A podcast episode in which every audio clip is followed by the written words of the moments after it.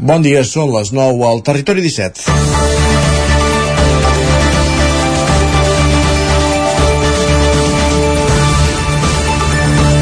La decisió de l'equip de govern de Sant Feliu Sacerra de reincorporar-se al Bages és un cop dur pels defensors de la comarca del Lluçanès. Les eleccions del 28 de maig es van plantejar en aquest municipi com un nou plebiscit sobre la comarca. El resultat va ser clar, i tal com ja va passar en la consulta del 26 de juliol de 2015, els veïns van donar suport a la candidatura que proposava mantenir-se al Bages. El govern de la Generalitat havia deixat un marge de 3 anys abans de la constitució formal de la comarca perquè els municipis amb més dubtes tinguessin temps per acabar de decidir-se. Sant Feliu Serra, però, no ha esperat i ha donat compliment al compromís adquirit per la força guanyadora de les eleccions. La nova comarca, per tant, tirarà endavant de moment amb 8 dels 13 municipis que històricament n'han format part. En quedaran fora els 5 del no, on el nou es va imposar el 2015, que són Sant Agustí de Lluçanès, Sant Bartomeu del Grau, Sant Boi, Sant Feliu de Serra i Santa Maria de Marlès. La comarca neix coixa, però el problema no ve d'ara.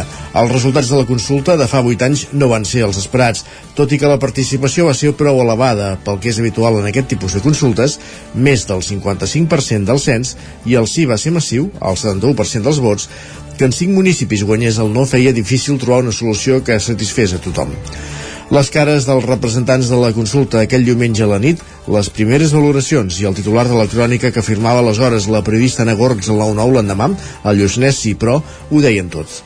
Malgrat que es van donar els requisits que havia posat Governació per tirar endavant la comarca hi havia el compromís d'anar tots a l'una, els resultats van deixar un escenari difícil de gestionar. Per això, entre d'altres obstacles, el projecte de la comarca ha estat 8 anys a la nevera. La mancomunitat de municipis que es crearà prèvia a la Constitució del Consell Comarcal és una bona oportunitat per demostrar els beneficis que pot tenir aquesta autogestió dels recursos i acabar de convèncer algun dels municipis indecisos. De totes maneres, no serà fàcil. Territori 17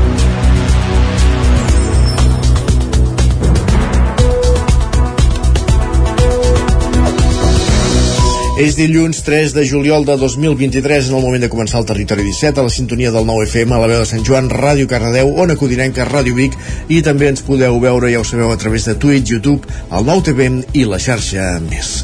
Comença el Territori 17, el magazín de les comarques del Vallès Oriental, l'Osona, el Ripollès, el Moianès i el Lluçanès, que us farà companyia des d'ara fins al punt de les 11 durant dues hores. De quina manera, amb quins continguts? Doncs els avancem tot seguit. Avancem al menú del dia d'aquest matí de dilluns 3 de juliol de 2023, el primer dilluns del mes de juliol d'aquest any. En aquesta primera mitja hora abordarem les notícies més destacades de les nostres comarques, les notícies del territori 17 en connexió amb les diferents emissores que dia a dia fan possible aquest programa. També farem un cop d'ull al cel, repassarem la previsió del temps en companyia del nostre home del temps, en Pep Acosta, des d'Ona Codinenca, i anirem fins al quios per repassar les portades dels diaris del dia. Ho farem en companyia d'en Sergi Vives, des del 9FM. A partir de dos quarts de deu del matí, moment de pujar al tren a la Trenc d'Alba, amb l'Isaac Muntades recollir les cròniques dels oferts usuaris de la línia de tren de l'R3, la línia Barcelona, Granollers, Vic, Ripoll, Puigcerdà. A l'entrevista anirem fins al Coll de Cabra, fins a Rupit, en concret per parlar amb Lluís Manel Dorca, que és un dels membres de la, un dels promotors d'una nova iniciativa dels empresaris turístics de l'Esquirol, Rupit, Pruit, Cantoni Gros i Tabertet. Coll Cabra Impuls es diu aquesta nova iniciativa que es presenta demà al vespre i de la qual avui en coneixerem alguns detalls amb un dels seus impulsors, com dèiem, Lluís Manel Dorca. Acte seguit anirem fins a Ràdio Vic perquè la Laura Serrat ens doni a conèixer una altra de les entitats que formen part del grup de solidaris que repassem cada dilluns aquí al Territori 17 i avui ens fixem amb l'associació Asperger Osona. Notícies a les 10, la previsió del temps i avui farem una incursió eh, als espais d'economia de, del Territori 17 per parlar de l'euro digital. Recuperem l'entrevista que feia divendres Natàlia Peix al programa i bona lletra del nou TV a Àlex Saiz, emprenedor biguetà, fundador de Money, la fintech que treballa per encàrrec del Banc d'Espanya en la creació d'una moneda digital. Ells en diuen Eurem, i hauria de ser l'equivalent en el seu dia, si s'acaba aprovant, a l'euro digital. De tot plegat en parlarem a partir d'un quart d'onze, sabrem què és ben bé això de l'euro digital, d'una moneda digital, pros, contres, avantatges i com està aquest projecte que, com dèiem, desenvolupa el biguetam Àlex Eix. A partir d'un quart d'onze del matí, a dos quarts ens endinsem al món de Twitter en companyia precisament de la Natàlia Beix i acte seguit la tertúlia esportiva per posar-nos al dia de l'actualitat en l'àmbit de, de l'esport en general, principalment de la Lliga de Futbol, del Barça i d'altres equips de primera divisió, en companyia dels nostres tertulians habituals. 5 minuts que passen de les 9 del matí. Aquest és el menú del dia del Territori 17 d'avui, dilluns, sí, 3 de juliol de 2023. Com dèiem, ens posem en dansa repassant les notícies més destacades de les nostres comarques, les notícies del Vallès Oriental, Osona, el Ripollès, el Moianès i el Lluçanès, que són les notícies del Territori 17. A les darreres setmanes, la policia local de Vigues i Riells del FAI al Vallès Oriental ha rebut un augment de denúncies per part de ciutadans que han estat víctimes d'estafes a través de WhatsApp, a través del, del conegut mètode com a, conegut com a phishing. Roger Rams, Ona Codinenca. Sí, es tracta de la rebuda d'un missatge a través de l'aplicació WhatsApp, sobretot entre gent gran, en què algú es fa passar pel fill o filla de la persona estafada, dient que ha tingut problemes amb el mòbil i que per això apareix un número desconegut i demana una transferència urgent a nom d'una tercera persona. El cap de la policia local de Vigues i Riells, Pedro Parra, explica que en una setmana han rebut fins a sis denúncies per aquest fet. Sobretot és gent gran gent gran que s'aprofiten d'això, eh? de, de, de que són gent gran que es confiava, rebren uh, missatges, normalment de, que, que diuen ser o el, pa, o el fill o la filla o el germà o algú molt conegut i hi ha, hi ha, hi ha molt sentiment, o sigui, que hi ha molta afinitat sentimental sobretot. Va ser que en una setmana van, van ser 5 o 6, en una setmana seguida, eh, dies seguits, Parra explica que fins ara al municipi no s'havia detectat aquest tipus de frau, si bé hi ha hagut diversos casos d'estafa via correu electrònic o trucada. En, en un parell de setmanes ha hagut un augment bastant important aquí a Vigas. Eh, ha vingut una, una, un, un percentatge molt alt de, de, de que a, a, això ja, jo jo ho havia vist ja, eh? Uh -huh. la, però que aquell havia, a Vigas no havia passat mai. I, i, i li envien o un número de compte o volen que ho faci per Bizum o, o sigui, Mm, normalment és el número de compte, eh? O mm. eh, hem arribat a escoltar de vés-te'n a l'estanc, com, compra una targeta d'aquestes de, de pagament, no sé val, què, val. De, i, i dona'm el número, envia'm el número, amb el WhatsApp, el número de, de la targeta aquesta. Per la seva part, els Mossos d'Esquadra expliquen que mai s'ha de fer una transferència a un contacte desconegut i apunten que en molts d'aquests casos l'estafa es fa a través d'un enllaç web que serveix als estafadors també per robar dades personals i bancàries de les víctimes. Doncs realment molt alerta amb aquest sistema d'estafes, de, molt alerta amb els missatges que rebem i sempre posar-los en, en quarantena, com a mínim. Gràcies, Roger. Més qüestions. El Consell Comarcal d'Osona tindrà dos presidents aquest mandat. Gerard Sancho, de, Junts, de Junts, que és l'alcalde de Sant Hipòlit, i Marçal Ortuño, d'Esquerra, actual alcalde de Torelló. La fórmula l'han acordat tots dos partits basant-se en la igualtat de força, Sergi Vives. Junts i Esquerra han arribat a un acord per partir-se la presidència del Consell Comarcal d'Osona després que els resultats de les eleccions del 28 també deixessin un empat tècnic a 11 consellers comarcals cadascun. D'aquesta manera, els primers dos anys els presidirà Gerard Sancho de Junts i els dos darrers ho farà Marçal Ortuño d'Esquerra. Una negociació on tot i llimar serrells en cap moment hauria perillat perillar l'arribada a un pacte. En parlen tant Sancho com Ortuño. Un pacte precisament d'això que deia, de responsabilitat, de que al final el que es fa és es posa la, la comarca pel davant. Per mi més valor de l'acord és que ens permet, doncs, eh, primer, eh, mostrar el tipus de política que volem fer al Consell Comarcal, que és una política de donar servei a tots els municipis, una política eh, de que ara hem arribat a un acord les dues principals fortes, forces però que està obert també a altres forces tant Sancho com Ortuño responen a, responen a perfils moderats que no generen antipaties més enllà de compartir o no sigles. Políticament es tracta, però, de dos candidats que van sortir reforçats de les eleccions municipals.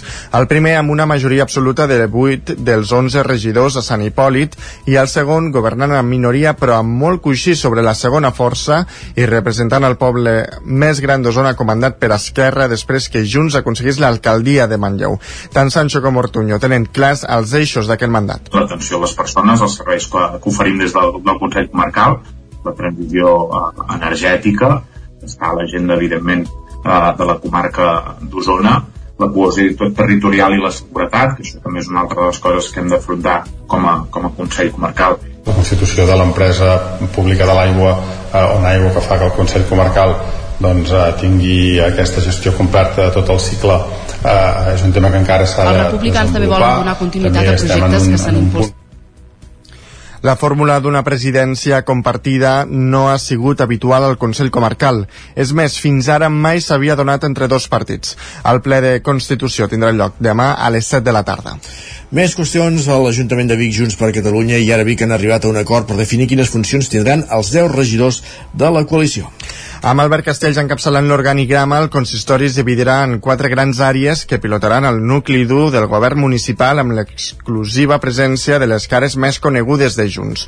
La de nou alcalde, la de Bet Piella, la de Núria Oms i la d'Elisabet Franquesa. Precisament, la delegació de funcions i el repartiment de regidories ha sigut un dels punts claus de l'acord de govern entre Junts i Arabic, el partit que lidera Xavier Ferrés, amb qui Castells va arribar a un acord hores abans de l'acte d'investigació investidura. Piella, Oms i Franquesa encapçalaran regidories de pes com fires i mercats, habitatge, benestar i família, cultura, educació i convivència i seguretat. Castells es posarà al capdavant, entre d'altres, de territori, sostenibilitat i universitat i ciutat del coneixement, on ja ha avançat una de les tres cadires al patronat de la Fundació Universitària Balmes es reservarà a la regidoria d'Arabic Elisanda Carrera. Ferrés, per la seva banda, encapçalarà les regidories de Salut Pública, Ciutadania i Participació. De tot plegat en parla Albert Castells. Sí, molt content perquè crec que formem un gran equip, sincerament eh, ho penso així i per tant eh, molt content i crec que l'equip està molt il·lusionat amb aquest eh, nou mandat, amb aquests 4 anys que tenim per davant. El pes és relatiu, jo dic, evidentment, eh, si parlem de pes en volum de, de pressupost o de, o de visibilitat a vegades eh, de cara a l'opinió pública o les notícies, doncs bueno, hi ha factors importants com l'urbanisme o la mobilitat doncs que, que sí que les tenim junts, però també jo volia posar molt en valor doncs, la ciutadania, no? la regió de ciutadania, eh, la ciutat té més de 300 entitats, molt dinàmiques, tant culturals, socials, esportives, per tant, vull dir, hi ha regidories de pes que també té ara Vic i molt visibles i de molt impacte amb tota la ciutadania. Repartides ja les funcions als regidors, el ple haurà d'aprovar ara el cartipàs on també hi quedaran recollides les retribucions i les dedicacions de tot l'equip de govern. Per fer-ho necessita el suport com a mínim d'un dels cinc grups de l'oposició. I encara en plana política, dues formacions polítiques més tindran presència usonenca en les llistes que es presenten de cara a les eleccions del Congrés dels Diputats del 23 de juliol. A juny, a Junts, Esquerra, el PSC, en Comú Podem i el PP s'hi sumen ara la CUP i el PDeCAT, Sergi. La CUP ha confirmat que Carla Dinarès, regidora del grup municipal a l'Ajuntament de Vic, ocuparà la posició número 4 en la candidatura que presentaran a la demarcació de Barcelona. Per davant seu hi haurà Ignasi Bea, Laura Fernández i el cap de llista de la formació Fundació Albert Botran. Aquesta serà la primera experiència més enllà de la política municipal de Dinarès, que és regidora del consistori Bigatà des del maig de 2019. Té 35 anys i és arquitecta de professió. El PDeCAT comptarà en la seva llista per Barcelona amb dues candidatures eh, amb dues candidates de la comarca d'Osona. Es tracta de la regidora a l'Ajuntament de la capital d'Osona i número 2 d'ara Vic, Elisenda Carrera, així com Clàudia Losada, que també va formar part de la candidatura encapçalada per Xavier Ferrés com a número 10. I Esquerra de Sant Joan de les Abadesses critica el sou de l'alcalde per la pujada respecte del 2015 i no per la quantitat que veuen ajustada. Isaac Muntades des de la veu de Sant Joan. Aquest dijous es va celebrar el tradicional ple del Cartipàs a Sant Joan de les Abadeses per donar el tret de sortida definitiu al mandat. Com sempre, el més destacable va ser la retribució de l'alcalde de Mer, Ramon Roquer, que exercirà el càrrec amb dedicació exclusiva com fins ara amb una jornada mínima de 40 hores setmanals i percebrà una retribució de 39.420 euros bruts, una lleugera pujada del sou que no va agradar a Esquerra Republicana per les formes i no tant per la quantitat, ajustada. Elisenda Guillaumes és portaveu suplent dels republicans. Creiem que el sou de l'alcalde és prou, vull dir, està ajustat, eh? no, no ens posem en que es cobri massa, perquè és una dedicació exclusiva i a més a més vull dir que s'ha demostrat eh, en tots aquests anys que porta davant del cap de govern, que és omnipresent, que està tot arreu 365 dies l'any i, i 24 hores al dia. Eh? Per tant, no discutim tant el que és la retribució, que ja la trobem justa, sinó que evidentment eh, que aquest any, com deia, doncs és a, en, en funció del que permet funció pública i el, i el que està acreditat, però sí sí que de la legislatura anterior, no? que era el 2015, sí que va haver un increment del 34% que vam trobar desmesurat. Al lloc, ni a l'empresa privada, es veuen aquests increments de, de sou, diguéssim, tan sobtats. Eh? Per la seva banda, l'alcalde Ramon Roquer va recordar que s'aplicava allò que ja estava pactat entre l'administració pública i les empreses privades i la patronal. A l'alcaldia se li van atribuir 36.000 euros bruts el 2019, per tant ara l'alcaldia rebrà 39.420 euros bruts anuals, és un increment d'un 9,5% com ja com s'ha fet amb la resta de regidors i d'assignacions. Eh? Per tant, aquest alcalde ha estat cobrant 700 euros al mes en aquest ajuntament, ha estat cobrant 1.300, vull dir, ha tingut diferents retribucions, entenc que molt, molt d'elles molt per sota del que segurament corresponia, i això jo crec que és una cosa que podríem compartir obertament i hauríem de poder parlar també obertament sobre quina és la retribució que li correspon a l'alcalde de Sant Joan de les Abadeses. Roquer va recordar que per pobles de menys de 5.000 habitants el topall màxim que es pot cobrar són 45.000 euros. La regidora Laia Capdevila va afegir que el 2015 el sou era de 26.000 euros i l'increment era d'un 34% des de llavors. Tindran una dedicació parcial als regidors Miquel Mercè i Vanessa Pau, amb una dedicació de 6 hores i una retribució de 6.018 euros. Per assistència a la comissió informativa al ple ordinari, els regidors cobraran 59 euros. Per assistència al ple ordinari cobraran 118 euros, mentre que es pagaran 190 euros per assistència a la Junta de Govern local. Albert Ramoneda serà el primer tinent d'alcalde i portarà les regidories de Joventut, Esport, Festes, Transició Energètica i Noves Tecnologies. El segon tinent d'alcalde serà Rosa Freixenet i s'ocuparà de Cultura i Arxiu,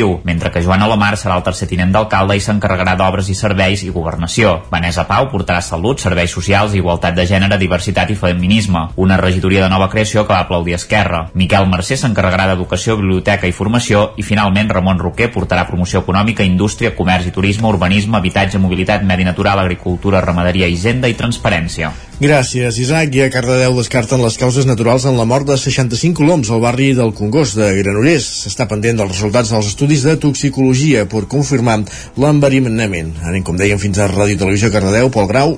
Els agents rurals descarten una malaltia com a causa de la mort dels 65 coloms que van aparèixer morts el passat 17 de maig al barri Congost a Granollers. Per tant, pren força la hipòtesi de l'enverinament com a causa de la mort de les aus, que van ser localitzades a les voreres i calçades de la zona situada entre els carrers Sallecs i Puiggraciós. La necropsia realitzada a les retes d'algun de les aus que es van recollir al lloc descarten la mort per malaltia.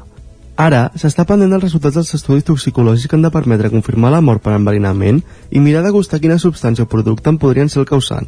En paral·lel, els agents rurals han obert diligències penals i s'ha comunicat als jutjats de Granollers. Es manté la investigació oberta per recollir testimonis o altres elements i pistes que puguin portar fins a la persona autora del possible enverinament. Aquest es podria haver fet amb una substància prohibida, però també amb algun producte legal, que administrar els coloms en quantitats elevades els poden causar la mort. La persona o persones responsables es podrien enfrontar a un delicte contra el medi ambient. En el seguiment que s'ha fet després de la mort dels 65 coloms, els agents rurals no han detectat cap altra mortalitat de coloms a la zona ni a la ciutat. Per tant, consideren que es tracta com un cas puntual i pràcticament un miler de persones participen a la nova edició de la cursa dels set portals de Vic, una cursa que amb els anys s'ha convertit en un dels actes més multitudinaris de la Festa Major de Vic. Si més no, això ho avalen les dades, i és que aquest any la cursa ha comptat amb més de 1.400 participants, rècord absolut des que l'any 2016 va fer-se per primera vegada la prova. A les 10 de la nit sortia la categoria absoluta Gerard Bou, Víctor da Costa i Ramon Linares, que van completar el recorregut de 5 quilòmetres en poc més més de 15 minuts van ser, eh, per aquest ordre, els més ràpids de la categoria masculina. Encarla, Encarna Núñez i Laia Andreu, eh, que amb poc més de 18 minuts, i Maria Roca Figuera amb 19, van completar el podi femení. A dos quarts de deu era el torn de la categoria infantil. I acabem aquí aquest repàs informatiu que començàvem al punt de les 9 en companyia de Sergi Vives, Isaac Muntades, Roger Rams i Pol Grau. Un moment al territori 17 de saludar també el nostre home del temps, Pep Acosta.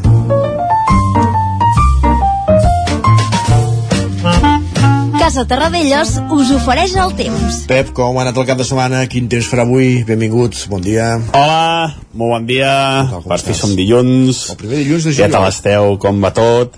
Comencem setmana, la primera setmana sencera d'aquest mes de juliol. Tradicionalment els números ho diuen, eh, i els números si ho diuen eh, no enganyen, eh? Si eh, les matemàtiques són clavades, eh, les matemàtiques són perfectes i els números diuen que el juliol és el mes més calorós a casa nostra eh, per tant eh, comencem aquest eh, aquest mes eh, el més calorós i dels més secs, és dels més secs eh, a casa nostra de tot l'any. Eh, a zones del Pirineu no, a zones del Pirineu per les tempestes eh, ni de bon tros és el mes més sec de, de l'any, però sí que moltes poblacions en les comarques aquest mes tradicionalment vull dir, per, per estadística és el mes eh, més sec també de tot l'any. Però bueno, eh, l'hem començat aquest cap de setmana els primers dies de juliol amb un ambient eh, realment eh, molt, molt suau. Eh, podria haver fet molta més calor. Es dorm molt bé encara. Eh, s'ha pogut dormir molt bé.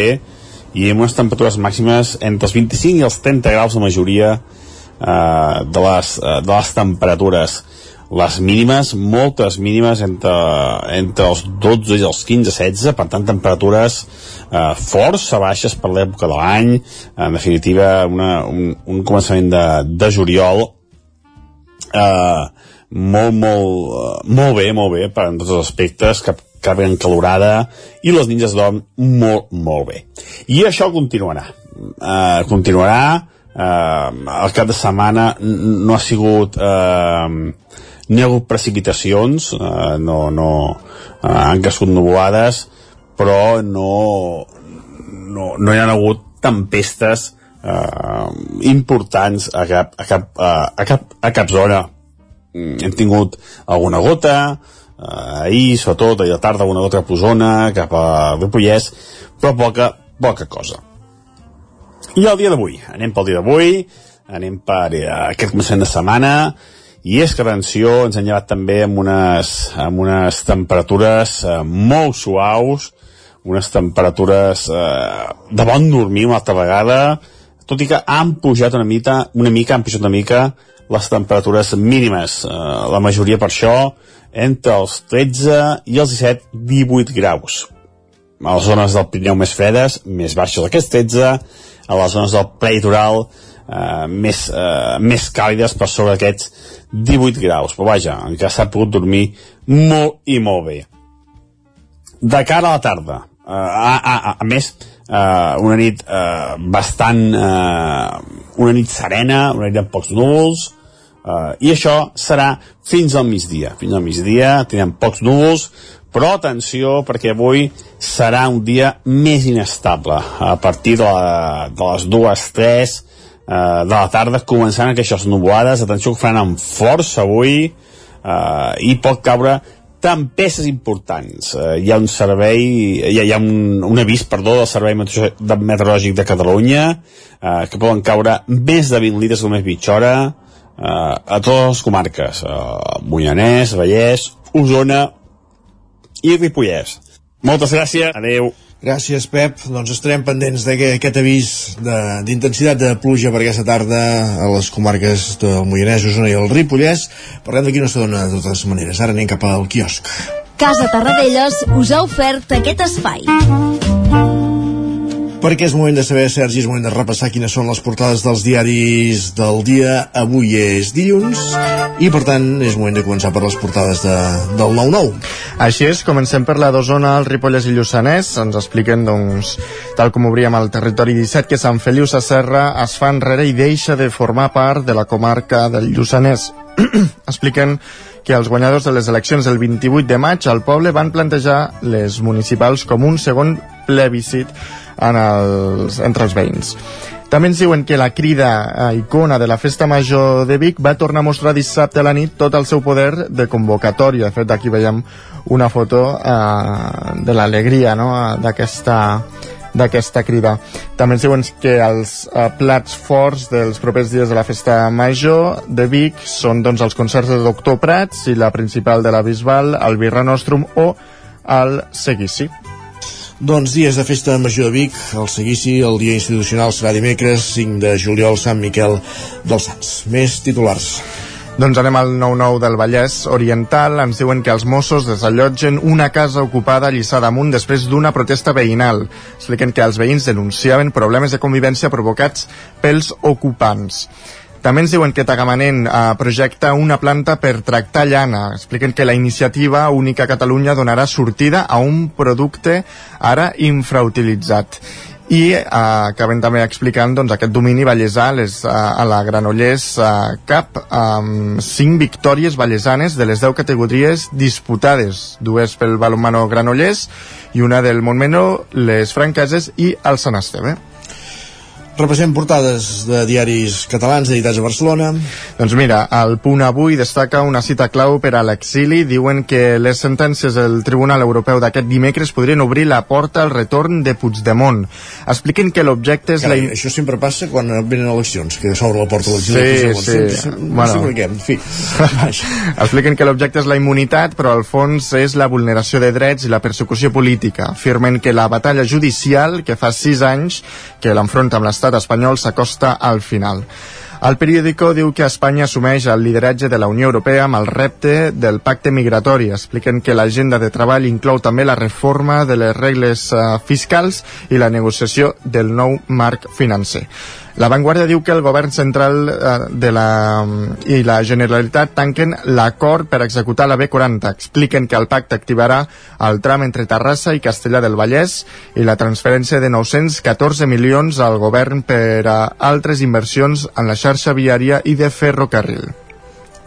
L'Ara diu que es dispara el vot per correu pel 23 de juliol. Expliquen que més d'1,7 milions de ciutadans ja l'han sol·licitat, 300.000 més que als comicis generals del 2016.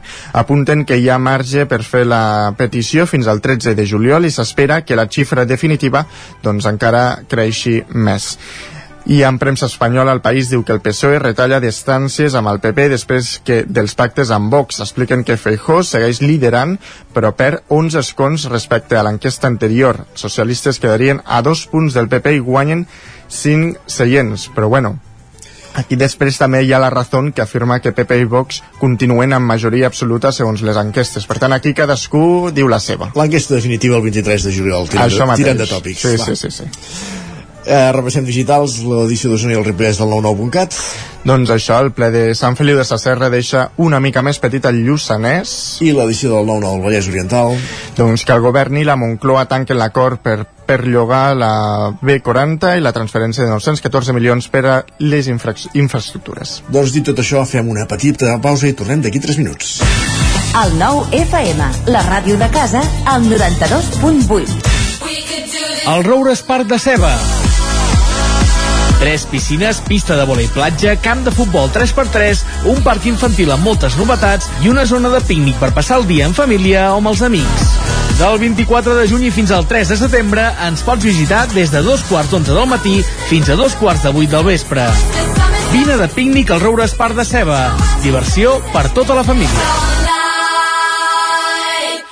Quan tingui un problema amb la seva caldera, vagi directament a la solució. Truqui sempre al servei tècnic oficial de Saunier Duval i despreocupis, perquè som fabricants i coneixem les nostres calderes peça a peça. I ara aconseguiu fins a 250 euros en canviar la caldera. Informeu-vos al 910 77 10 50 o a saunierduval.es. Ser a prop vol dir veure les coses més bé. Apropa't al que t'interessa amb la xarxa Més. La teva plataforma audiovisual de qualitat, proximitat i gratuïta. Gaudeix dels continguts de més de 30 televisions locals i podcast quan, com i on tu vulguis. Entra a la xarxa més.cat i descarrega't l'app. Cocodril Club. Si t'agrada la bona música dels anys 60, 70 i 80, escolta el 9 FM als matins de dissabtes i diumenges d'11 a 1. És el temps del Cocodril Club, tot un clàssic de la ràdio, amb les bases del pop-rock, les llegendes, les cançons que s'han convertit en autèntics himnes. Recorda, dissabtes i diumenges al matí, d'11 a 1, al 9 FM 92.8. Cocodril Club, el programa revival de l'Albert Malla. Hasta luego, cocodrilo. Bon dia, són les 9 al Territori 17. La Miquel Parella. Cada matí i durant dues hores t'acompanyem i et posem al dia de l'actualitat de casa nostra. Potenciant així l'autonomia En aquest cas me la peça el teler si no... Cursos per feminitzar el pensament masculí. Territori 17, el magazín matinal d'Osona, el Moianès, el Ripollès i el Vallès Oriental. Que la meva àvia de 93 el anys... 9 FM, el 9 TV, el 99.cat i també els nostres canals de Twitch i I YouTube. demà per fer-se un tatuatge. Cada matí Territori 17. Ole. Anuncia't al 9FM. La màquina de casa. 9 3 8 8 9 4 9 4 9. Publicitat arroba al 9FM.cat. Anuncia't al 9FM. La publicitat més eficaç. Ser a prop vol dir veure les coses més bé. Apropa't al que t'interessa amb la xarxa Més. La teva plataforma audiovisual de qualitat, proximitat i gratuïta. Gaudeix dels continguts de més de 30 televisions locals i podcast quan, com i on tu vulguis. Entra a la xarxa més.cat i descarrega't l'app. El 9FM, la ràdio de casa, al 92.8.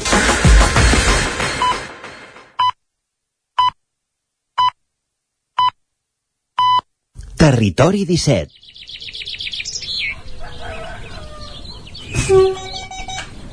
A Tren d'Alba. Cada dia els usuaris i usuàries de la línia R3 de Rodalies que veuen sortir el sol des d'un vagó ens expliquen les gràcies i les penes del primer comboi que uneix Ripoll i Barcelona o les feixugues jornades amb el tren després de treballar. Benvinguts a Tren d'Alba. M'ha encantat la piulada a Twitter d'una de les 600 que he pogut llegir per les limitacions del bo de l'Elon, que la veritat no sé si han durat un sol dia, que deia que el traspàs de Rodalies i les polítiques de mitigació del canvi climàtic començaven amb una inversió milionària en més autopistes, en referència al desbloqueig de l'acord per la B40 a canvi d'executar obres per un valor de 914 milions d'euros. Ja us deixo amb en Jordi Valls, que si no em poso malalt. Bon dia, sóc en Jordi Valls. Alegria, alegria, que el tren ha arribat dos minuts abans. Alegria, novetat, que gozo, que alboroto, otro perrito piloto. Bueno, això passa molt de tant en tant, per tant haureu d'entendre que fins i tot no entengui com ho han fet. Però bé, hem arribat dos minutets abans, era una maquinista d'aquestes que veiem molt jovenetes, que creiem que no els hi arriba a, no els hi arriba als peus als pedals, perquè són com molt baixetes, i llavors fa gràcia. I molt bé, tu, xapó, la volem, votem per ella. Ai, avui al tren parlàvem d'animals de companyia. Resulta que una companya eh, és de pagès i té,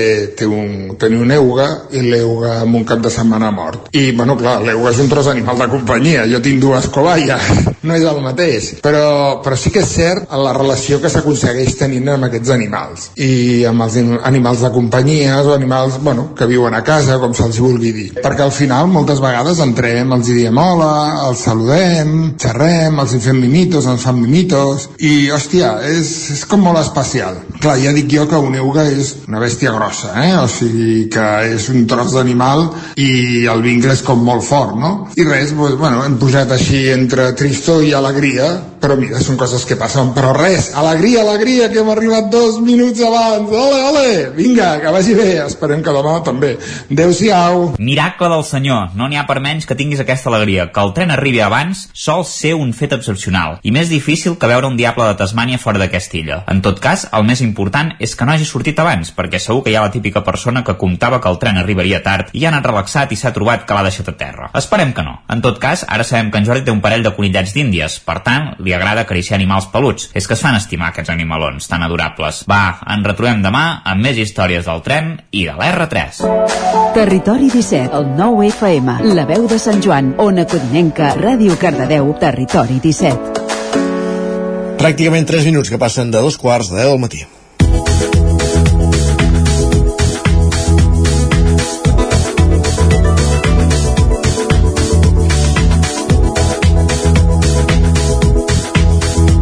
Colls de Cabra Impuls és el nom amb el que han batejat la unió de l'Associació Comerciants del Cabrerès de l'Esquirol i l'Associació de Turisme i Comerç de Rupit i Pruit, un comerç impuls, un Cabra Impuls que també compta eh, participants de, del sector turístic de Tabertet. La idea és treballar pel sector turístic d'aquests, dels quatre pobles de, del Colls de Cabra i per entrar més a fons en el que això implica, parlem amb un dels seus impulsors, Lluís Manel Dorca, bon dia, benvingut. Hola, bon dia, bon dia. Bon dia. Coix de Cabra Impuls, com dèiem, es presenta demà al vespre a Rupit, qui, eh, perdó, a Cantoni Gros. Quin és l'objectiu doncs, d'aquesta doncs, iniciativa que, com dèiem, uneix la, les associacions de, de comerciants de l'Esquirol d'una banda, la de, de, de, de turisme i comerç de Rupit i Pruit i també establiments de, de Tabertet?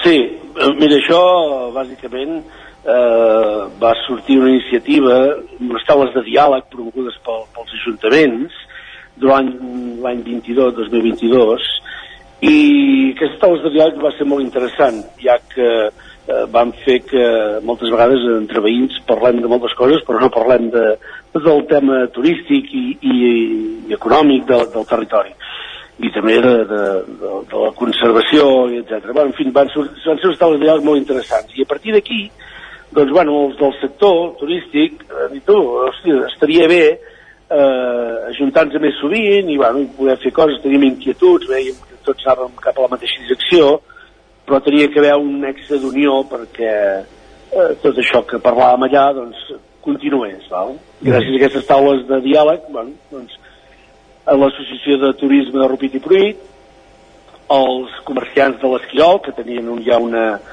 una associació que funcionava molt bé, eh, molt ben estructurada i que en definitiva feia moltes coses, els de Tabertec, que no tenien associació perquè tampoc no s'havien plantejat, el que sigui, eh, van dir tu, doncs va, eh, fem alguna cosa conjunt eh, per mirar que el sector turístic eh, tingui tot lligat en el coll de cabra i poder fer territori. Uh -huh. I així va sortir, va sortir la idea.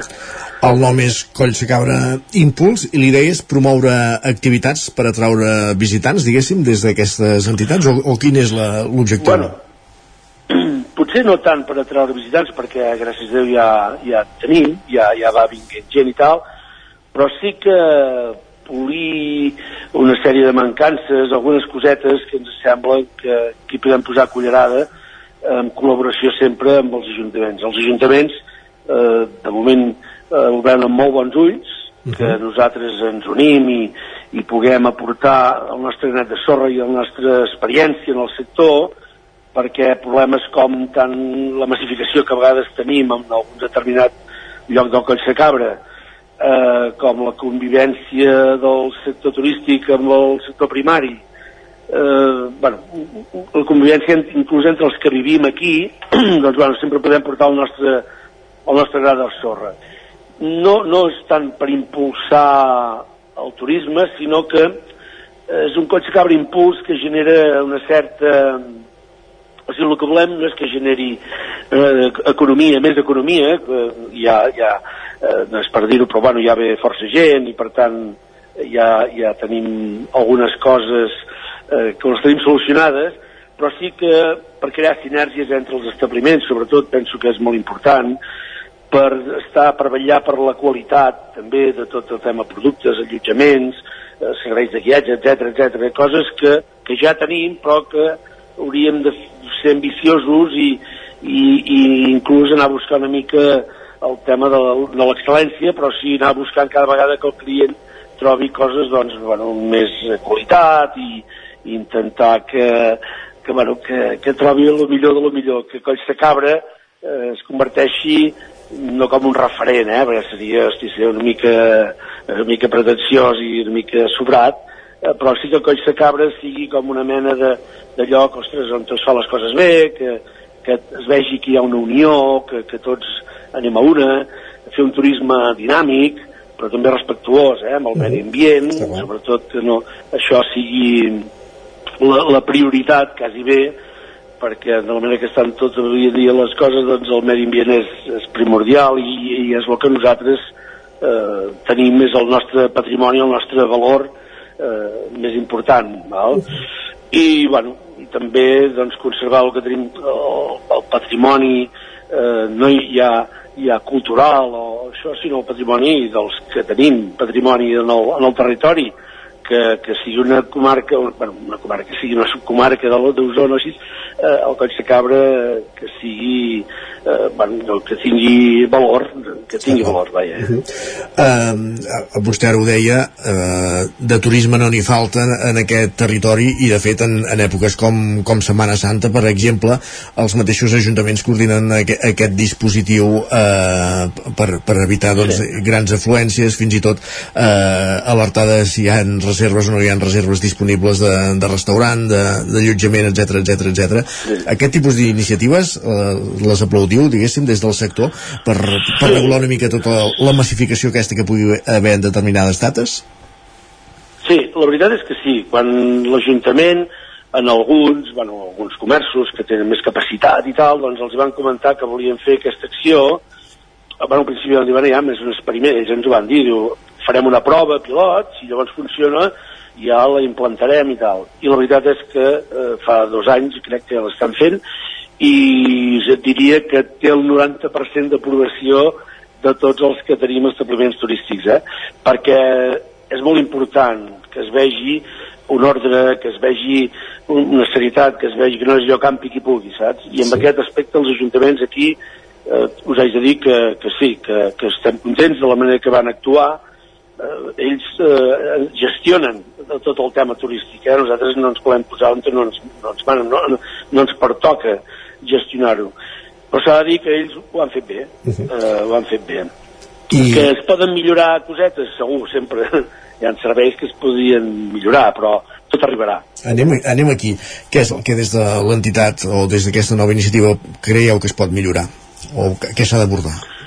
Sí, bueno, clar, la, la relació que tenim amb els ajuntaments eh, ha de ser eh, correctíssima. Almenys cadascú té el seu rol aquí. Nosaltres no volem passar davant a ningú, per suposat, més faltaria. Ells tenen, com t'he dit, són els que gestionen els nostres impostos i els que la seva funció és que, que tots tinguem els millors serveis possibles i en això estan, perquè nosaltres tinguem una bona eh, qualitat de vida, més més de guanyar-nos la vida, que també tinguem, doncs, bueno, eh, metges, farmàcies, eh, serveis d'escombraries eficients, etc etc. no? Tot, tot, ells han de gestionar i regular eh, el tema turístic, nosaltres no podem implantar, però sí que si treballem una mica conjuntament o ells tinguin un interlocutor eh, com podem ser nosaltres, perquè de moment sembla que aquesta iniciativa de, de l'ajuntar-se aquestes associacions eh, sembla que bueno, va per bon camí i els empresaris del sector eh, s'hi posaran i, i, i faran,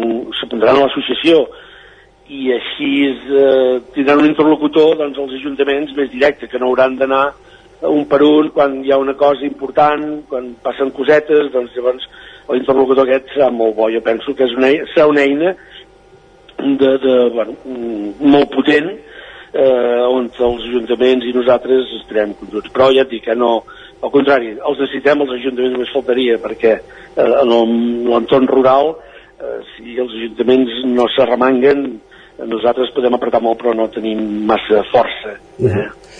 Uh, d'establiments uh, turístics, siguin restaurants, siguin hotels, uh, comerços, uh, n'hi ha, ha suficients? En farien falta més o considereu que, que, que, que més també uh, provocaria altres problemes, diguéssim? Bé, jo penso que ara som bastants ja, eh? si, si, ara ho estem fent una mica de recompte, que ens hem ajuntat tots els municipis, però entre allotjaments rurals, restaurants, hotels, eh, casa de colònies, càmping, etc, hi ha moltes places hotelers, o sigui, ja, ja hi ha molta capacitat. Potser, eh, mira, parlo del meu poble, l'Ajuntament de Rupit va fer una moratòria en tema de d'habitatge eh, turístic. turístic sí. bueno, no, no va ser cap de... O sigui, poder es va fer pim-pam massa precipitadament i poder s'hi podria fer alguna esmena, alguna coseta que jo crec que es podria arribar a fer. Però sí que estem bastant... Saturats no és la paraula, eh? però sí que hi ha bastant... Hi ha molt servei, ja. O sigui, hi ha molta oferta. L'únic que és, eh, hem de, de, de fer que això eh, tingui un engranatge i, i ens puguem comunicar més entre nosaltres. Ara estem parlant amb algun agent turístic, eh, bueno, viatges a Alemany, ja t'ho dic directament, és a la comarca i tal, doncs, bueno, per promoure una sèrie de paquets una mica eh, molt ben estudiats, molt ben calculats, amb una cosa, amb una imatge, amb, una, eh, bueno, amb un rol que seria intentar portar un client doncs, de qualitat, un client que, que bueno, tenim establiments que ja donen el perfil per poder fer això. Llavors també parlem amb, amb altres eh, associacions de, turístiques de, de nivell de, de la costa, que també podem fer alguna cosa conjunta entre pobles, eh, a lo millor a la llarga fem un segell de qualitat de productes de la zona i establiments eh, on el client eh, identifiqui que allò doncs, té una garantia de qualitat i fet aquí, que també és, penso que és important. Uh -huh. eh, volem comunicar-nos comunicar una mica millor amb zona turisme i turisme Garrotxa, els veïns que tenim, que potser a vegades falta una mica de comunicació, sobretot amb zona turisme, van, entenem que Vic és la central d'Osona i està molt bé i és molt potent, però sí que podríem unificar esforços amb algunes cosetes que segurament funcionarien. I per això estem bueno, si fem alguna campanya unificada eh, amb ells, doncs alguna coseta així, però sempre estic parlant del sector privat ara, eh? Està no? clar, sí, sí. sé que Osona Turisme depèn de la Generalitat, etc, però eh, nosaltres com a sector, si, som, si arribem a ser potents, que és el que volem ser, eh, en definitiva farem que el Coll de Cabra eh, sigui un dels indrets més, eh, més personalitat o més autèntic de Catalunya. Bàsicament, anem a buscar que el Coll de Cabra tingui una identitat pròpia i amb tots els serveis que tenim regular-ho una miqueta, regular-ho no, no és la paraula, -huh. eh, ajuntant-nos per fer cosetes que, que mica en mica vagi sembrant i fent que viure al Coll de Cabra sigui, sigui bueno, una passada. I el que també està clar és que el turisme de, del Coll de Cabra no és estacional, que hi teniu gent tot l'any, que i això és, i això és sí, important, no? Sí, sí, sí, tens raó, tens raó. Antigament eh, potser centralitzava molt, bueno, com, com a tot arreu, l'estiu, Setmana Santa i tal. Ara no, ara gràcies a Déu tenim gent tot l'any. Els caps de setmana, eh, sobretot, eh, estan molt bé i ens falta una miqueta aquest entremig de setmana. Per això l'intent, intentarem això, amb agents turístics eh, parlar eh, i amb els ajuntaments aquí també, perquè bueno, hi hagin coses que facin que, que el turista no només ens vingui al cap de setmana, sinó que entre setmana puguem estar més vius, més operatius, perquè a vegades mantenir un establiment obert eh, de dilluns, dilluns, dimarts, dimecres, dijous, doncs és complicat perquè tampoc hi ha massa afluència i és quan s'està més bé. Però, bueno, esclar, eh, eh, només som un 13% de la població mundial que treballa amb el sector o que, que treballa els fins de setmana i, i hem d'anar a buscar els, els, ja, els, els que s'estan jubilant o gent que encara pot voltar entre setmana i anar a buscar aquests i amb això estem. Doncs aquests, aquests són els objectius, n'hem repassat uns quants d'aquesta nova iniciativa Collse Cabra Impuls, que impulsen diversos empresaris del sector turístic de, del Collse Cabra, dels diferents pobles del Collse Cabra, de Rupit, de Pruit, de Cantoni Gros, de, de l'Esquirol i de Tabertet. Lluís, Lluís Manel Dorca, moltíssimes gràcies per atendre'ns i demà, com dèiem, la presentació a les 8 de, de la tarda al Dijous. Camp, dijous, dijous, a la, el dia 6. Dijous, el dijous, dijous a la tarda Correcte. a Camp Toni Gros fem la presentació. Sí. Doncs eh, allà estarem. Moltes gràcies per atendre'ns i, i que vagi tot plegat molt bé. Moltes gràcies a tu. Bon dia. Gràcies per fer la difusió. Gràcies. Adéu. Fins aquí l'entrevista. El que fem tot seguit és endinsar-nos als solidaris. Territori, Territori 17. 17. Territori 17.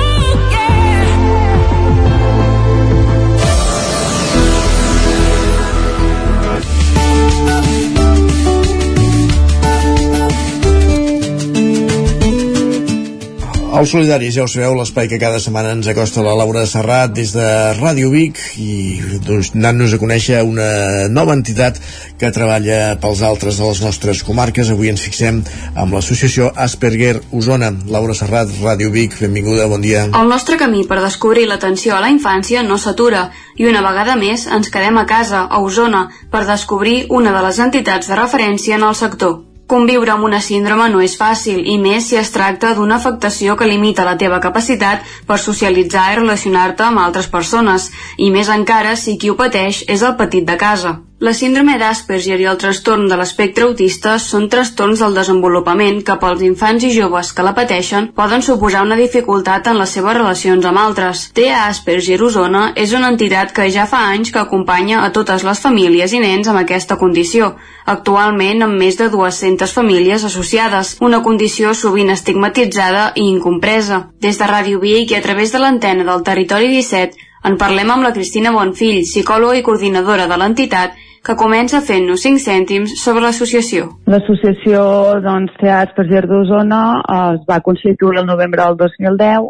El novembre d'aquest any farà 13 anys de la seva creació. Esdevé no, amb la finalitat sobretot de promoure i defensar els drets de les persones diagnosticades amb TEA o síndrome d'Asperger. Van crear quatre pares que estaven vinculats a, a CDAP, atenció precoç, en el qual doncs, se'ls va diagnosticar el seu fill amb TEA, i una mica veient la, la necessitat primer de vincular-se no, amb altres famílies que vivien una, una realitat semblant i llavors a partir d'aquí doncs, això, treballar conjuntament, no? sobretot per promoure la qualitat de vida dels seus fills. Bonfill ens explica en què consisteix aquesta síndrome i quins efectes pot tenir pels infants i les seves relacions amb els seus iguals, una condició que no és ni de tros senzilla. Actualment la síndrome d'Asperger com a tal està inclosa dins del trastorn de l'espectre autista. El trastorn de l'espectre autista és un trastorn del neurodesenvolupament que acompanya la persona al llarg de tota la vida. Llavors, en funció no, de l'etapa vital en la que es troba, les manifestacions poden ser una mica diferents. Les dificultats es centren en el que es coneix com la díada, que són dificultats en les relacions i en la comunicació social i dificultats en patrons d'interès i de conducta restringida. Són persones doncs, que, per exemple, tot el tema de les bromes, la ironia, les metàfores, l'ús de la comunicació en un àmbit social, doncs els hi costa, els hi costa interpretar no, la, les situacions, solen tenir una baixa tolerància a la frustració, els hi costa molt relacionar-se amb iguals, no, per aquestes dificultats en les habilitats socials, i en molts dels casos solen presentar interessos restringits, no? com es focalitzen molt, focalitzen l'interès en un tema molt concret i molt específic. Si hagués de donar un consell a les famílies que acaben de rebre un diagnòstic i busquen suport i recursos, Bonfill assegura que allò més important és relacionar-se amb altres famílies en la seva situació. Sobretot, bueno, vincular-se amb, amb altres persones no? que potser ja han fet aquest procés pot ajudar molt a la família per poder entendre, per poder conèixer el diagnòstic i una mica això, trobar l'espai no? i el suport en què l'acompanyi. Inicialment molts pares, no? tot i que van en cerca no? de què, què és el que està passant en els seus fills perquè ja identifiquen no? que hi ha alguna cosa que no va bé, un cop reben el diagnòstic a vegades és com una situació de doble fil d'un alleujament, no? perquè has posat nom a allò que veies que no anava bé, però alhora no? se't t'obre tot un horitzó de i ara què? Llavors, la, les famílies necessiten aquest acompanyament, sobretot per part professional, però també d'altres famílies que, que això, que visquin una realitat semblant a la, a la seva. És veritat que tu entres a internet i hi ha molta informació sobre el TEA, no? però també cal cribar-la i començar a conèixer, començar a llegir en relació al trastorn pot ajudar, pot ajudar en aquest procés. La coordinadora ens detalla els projectes que hi ha en marxa des de l'entitat, que van des de l'atenció psicològica als afectats i a les famílies i fins a formacions pel professorat. Nosaltres oferim uh, molts serveis, que també hem anat creixent actualment, som 210 famílies sòcies de, de l'entitat. El nostre àmbit d'actuació és Osona i llavors oferim serveis en funció de la necessitat dels nostres propis usuaris. Nosaltres disposem d'un servei de psicologia en el qual som un equip de sis psicòlegs que fem intervenció tant individual com grupal, individual per treballar les característiques més pròpies de la persona i més, individuals, més personals, i llavors treballem també, fem intervenció grupal per treballar les habilitats socials en grup, d'edats i perfils similars. A més a més, nosaltres ens coordinem amb escoles, ja que pensem que la coordinació amb tots els professionals implicats en l'usuari a part no, de, de també en tots els àmbits és, és primordial. Fem formació a professorat, fem també trobades de tutors que tenen a la seva classe doncs, alumnat amb TEA per acompanyar-los també. Fem trobades de pares, també amb aquesta finalitat de, de donar suport i xarxa.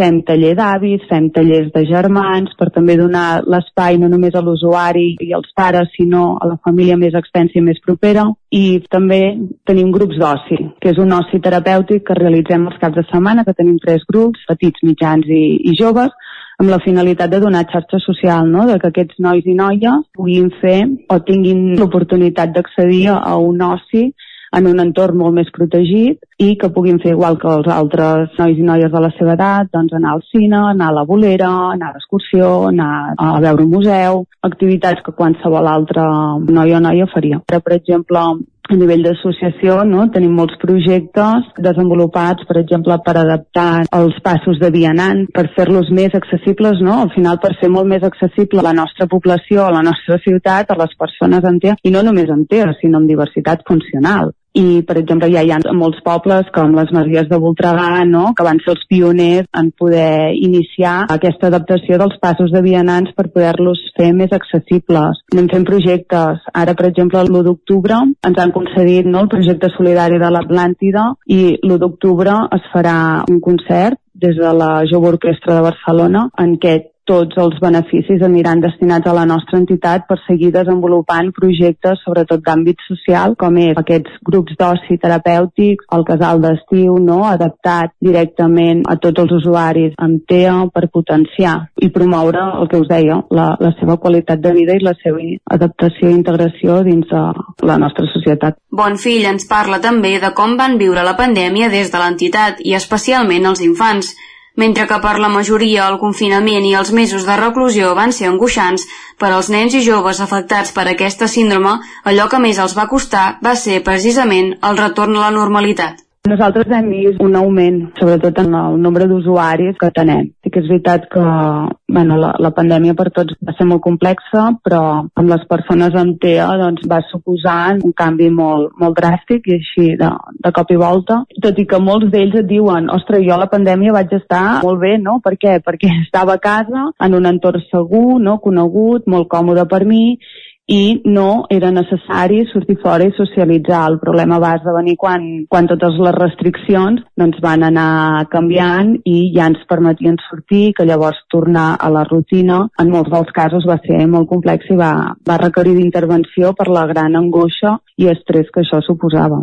La coordinadora ens parla sobre els reptes que han d'afrontar els nens i nenes afectats per aquesta síndrome. El dia a dia no és senzill cada dia per ells. En tots els entorns és un gran repte. Però ara, per exemple, el que sí que estem veient i estem palpant des de l'entitat, no? és una gran necessitat de poder donar suport és en la inserció laboral. Les últimes dades en quant a persones que estan treballant ens diuen que el 80% de les persones diagnosticades amb TEA no tenen feina. Són persones capaces, totalment vàlides per poder desenvolupar una feina. L'únic que necessiten unes adaptacions concretes en el seu lloc de treball. I aquí és una mica on ara tenim posat l'objectiu. TEA Asperger Osona és una entitat privada, però Bonfill ens parla també de les subvencions que intenten aconseguir per facilitar les coses a les famílies associades i sobre la seva situació econòmica en una situació una mica limitada, no? perquè, com us dic, al ser una entitat privada rebem subvencions per part d'ajuntaments i,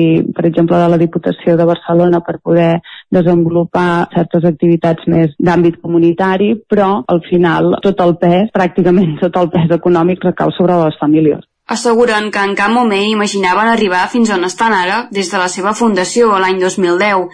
S'han fet passes molt importants en diferents àmbits i és més, des de fa 4 o 5 anys el creixement de l'associació ha estat molt exponencial. Bueno, en cap moment eh, havíem imaginat. Sí que és veritat que ara tenim no, professionals tant sanitaris, de salut mental o personal docent molt més coneixedor de, del té i per tant que poden identificar molt més persones que puguin tenir aquesta condició i que per tant hem afinat molt més en tot el tema de diagnòstics no només en els nois sinó amb les noies perquè les noies en TEA encara són infradiagnosticades per tant s'ha fet una molt bona evolució en aquest sentit que encara ens queda molt per fer. I és que aquesta infradiagnosi en noies, explica, es deu als paràmetres establerts per detectar la síndrome. Bàsicament perquè les dificultats entre nois i noies són les mateixes, però la manifestació en la conducta són diferents. Llavors nosaltres tenim proves no, clíniques per fer el diagnòstic de TEA que estan estandarditzades sobretot en població de gènere masculí. Per tant, les noies moltes vegades no compleixen en aquestes proves clíniques. Però no perquè realment no hi hagi la condició, sinó per això, perquè estan estandarditzades en població masculina. De cara al futur, l'associació té molts projectes entre mans, continuar amb la inserció laboral, seguir amb la tasca diària amb les famílies i defensar els drets de les persones amb aquesta condició. El seu futur ideal, que la gent deixi d'estigmatitzar la condició de l'espectre autista i que facin un pas per conèixer la persona més enllà de les etiquetes. Si conviure amb aquest trastorn de per si no és fàcil, els estigmes socials que l'envolten encara ho fan més difícil. L'única manera de combatre aquesta problemàtica és a través de la conscienciació, una feina que resulta una mica més senzilla amb la feina d'associacions com la TA Asperger Osona. doncs feina ingent de la Tears per Osona gràcies per portar-la a l'antena Laura una setmana més i fins la setmana vinent darrer dilluns en el que hi haurà solidaris perquè també serà el darrer dilluns en què hi haurà Territori 17 perquè la temporada acaba el 14 de juliol. Gràcies, Laura. Com dèiem, una setmana més. Nosaltres avancem al territori 17, arribem al punt de les 10, moment en què ens posarem al dia amb les notícies més destacades de les nostres comarques, notícies de les 10 al territori 17. Acte seguit, farem un cop d'ull a la previsió del temps, amb el nostre home del temps, en Pepa Costa, i a partir d'un quart d'onze avui, com dèiem, farem una incursió a les seccions d'economia del territori 17 per parlar d'una d'un concepte que en els propers mesos anys ens hi anirem familiaritzant segurament que és la moneda digital, l'euro digital no està aprovat, encara la Comissió Europea està treballant en un possible reglament de cara a que l'aprovi el Banc Central Europeu o, o que comenci a expedir, veurem si això arriba a bon port. Si més no, el Banc d'Espanya ha encarregat eh, a empreses com la fintech del biguetà Alex Saiz que comenci a treballar amb el que podria ser una moneda digital, en aquest cas és l'EURM, i avui en considerem els detalls. Recollir, recuperant l'entrevista que feia el passat divendres a l'Ibona Lletra Natàlia Peix en aquest biquetà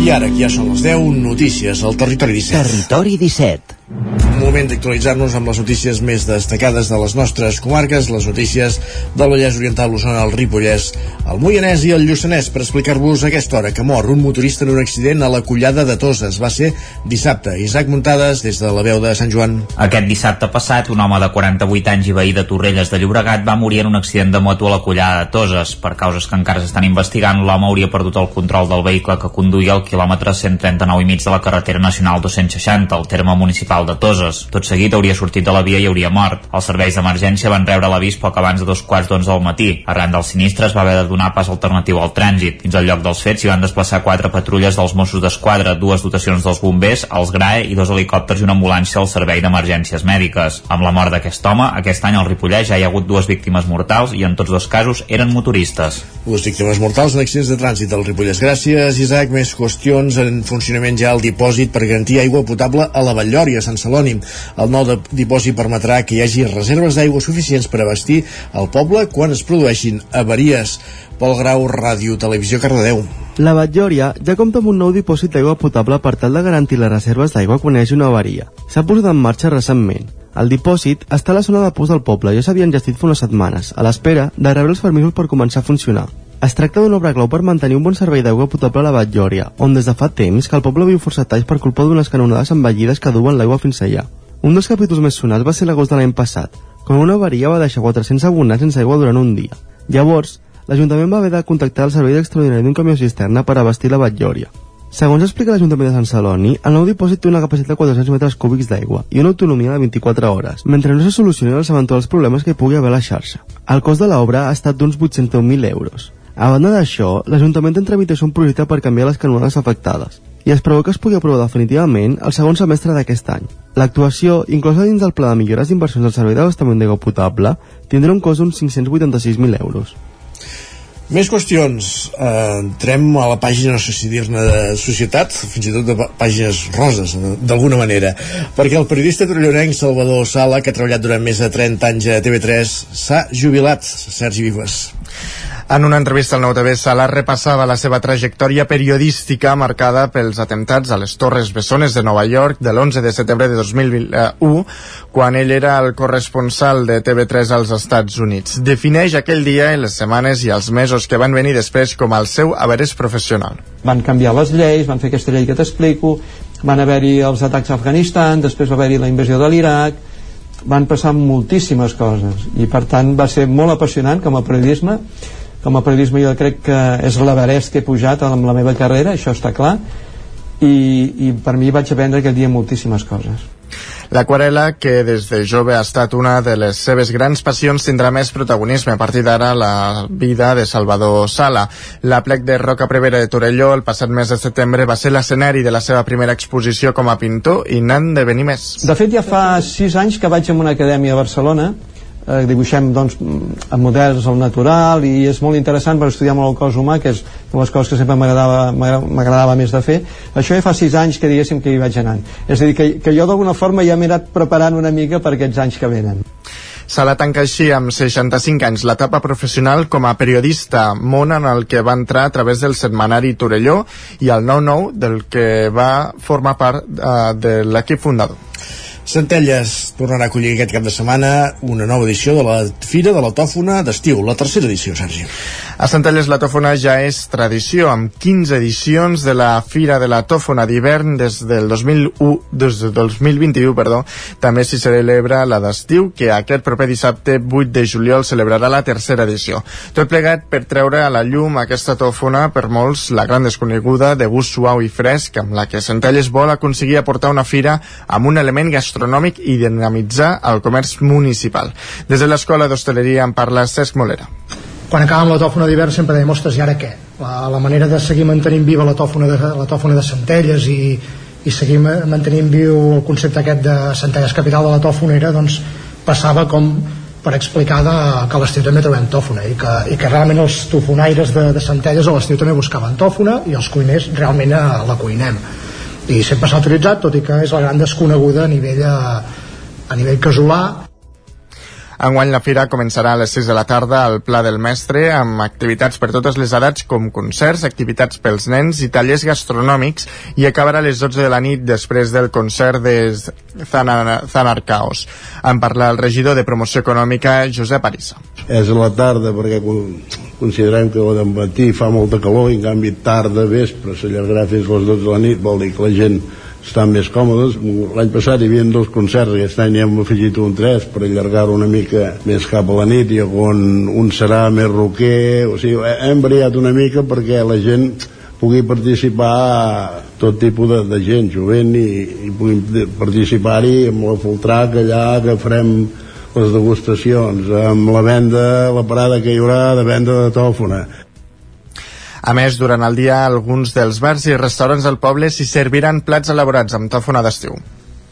Més qüestions, Rupit no es conforma només en ser el poble, el millor poble turístic del món. Ara ha batut un nou rècord mundial, alerta, eh? el d'acollir el pastís de formatge més llarg del món, Sergi. Són 25 metres de llargada de pastís de formatge. El van col·locar dijous de punta a punta del pont penjat de Rupit. Tret de la bogeria que un pot pensar a l'hora de fer això, l'acte, que se celebrava en el marc de la programació de la segona Farmlab Week, tenia un clar objectiu. Ho explica el director del Farmlab, Marc Vives. Sí, home, has de ser una mica un punt de bogeria has de tenir per, per arribar a fer això, no? Però ho has de fer amb, un, amb una missió. Les coses s'han de fer no perquè sí, sinó perquè, perquè realment crec que l'equilibri territorial que, que vivim, no només a Catalunya, sinó al món, és exagerat, no? El 85% de les persones viuen a les ciutats i cada cop més, i no ho entenc, perquè a nivell de qualitat qualitat de vida en els pobles es viu molt bé. Aleshores aquest pastís una mica el que pretén és això, no? que la gent se n'adoni que la natura està en els pobles i que a vegades doncs, s'ha doncs, de tocar com, quan passen al pont, no tocar de peus a terra, no? I, i, i sentir, sentir en aquest cas doncs, el, el que et demana la vida i en aquest cas jo crec que com en el món rural no es viu enlloc. Els pastissos tenien una llargada de 70 centímetres. És per això que els elaboradors del Mas Claperol van haver de fer 36 fornades de 20 minuts cada una per tal d'aconseguir muntar en línia recta els 25 metres de pastís de formatge. En parla el gerent del Mas, Oriol Domènech. Nosaltres hem fet amb el forn eh, que tenim de 70 centímetres, hem fet aquestes format, aquests pastissos de formatge de 70 centímetres, que són unes coccions de 20 minuts, les, els que vendrem més petitons són coccions de 10 minuts, i anar fent fornades fins a aconseguir aquests 25 metres. Llavors aquí hem vingut a juntar-ho tot. Aquesta es tracta d'una recepta familiar que els germans Domènec van recuperar per aquesta ocasió. És única, porta ou, farina de blat de moro, nata i els formatges coronat, Pirineu i Suís. Especialitzats en fer iogurts i formatges de forma ecològica i artesanal, ara inclouran al seu catàleg porcions d'aquesta recepta. Amb aquest rècord mundial, doncs, s'obre una nova etapa en aquesta empresa familiar de la Garrotxa. La jornada va acabar amb tots els assistents provant el pastís. N'hi havia per repetir i repetir. La demostració de que que estava bo era la cua, que no es desfeia en cap moment per aconseguir una porció rere una altra. I un últim apunt per explicar que aquest cap de setmana s'ha donat el tret de sortida al setè Festival de Titelles del Moianès, tot i que podria ser l'últim que es faci degut a la manca d'implicació de les institucions comarcals. Roger Rams, una codinenca. Sí, els carrers de Monistrol de Calders, Calders, Castellcí, Sant Quirze, Safaja, l'Estany i Mollà són alguns dels escenaris d'aquest festival que enguany arriba a la seva setena edició i que s'allargarà durant tot el mes de juliol. Carles Canyelles, director artístic del festival, però, explica que ha enviat un comunicat als diferents ajuntaments del Moianès i també al Consell Comarcal per expressar la manca d'implicació que han detectat des de l'organització per part d'aquestes institucions comarcals, ja que apunten que per tenir un festival professional els cal més finançament ens hem acostumat a que el festival rutlli sol i el festival no rutlla sol. El festival eh, necessita un equip de gent, una quantitat d'hores de, de feina eh, de nassos per, per fer-ho i hi ha d'haver-hi una compensació per aquesta feina. Ara, o sigui, portem tots aquests anys assumint-la nosaltres eh, com a Rocamora Teatre i com a associació Espai Animacions, però arriba un moment en què això no és sostenible. Segons l'organització, falten recursos i és que en les últimes edicions fins i tot han hagut de demanar a les companyies reduir els seus catxets i assumir part de la despesa des de la mateixa organització no tots els ajuntaments se remanguen en el nivell que caldria, ni totes les institucions donen resposta justa a la proposta. Fa gràcia quan sentim a parlar de ruralitat i de portar la cultura als pobles i etc etc. però després de l'hora de la veritat et trobes amb un pam de nas. Mhm. Nosaltres hem, fem mans i mànigues cada any per mirar d'encaixar el més possible, sovint hem de demanar a les companyies que rebaixin el caixet des de l'organització, doncs, esperen poder reunir-se amb tots els ajuntaments i també amb el Consell Comarcal del Moianès, això sí, un cop acabat aquest festival per tal de valorar-ne la viabilitat de cara als propers anys. Doncs ho anirem vetllant perquè a veure si té continuïtat o no aquest festival. Gràcies, Roger, un dia més. Avancem al territori 17 després de repassar les notícies més destacades de les nostres comarques en companyia de l'Isaac Montades, veu de Sant Joan, en Pol Grau a Ràdio Televisió Cardeu, en Sergi Vives i el 9FM, el 9FM i en Roger Rams a Ona Codinenca. El que fem és saludar de nou el nostre home del temps, Pep Acosta.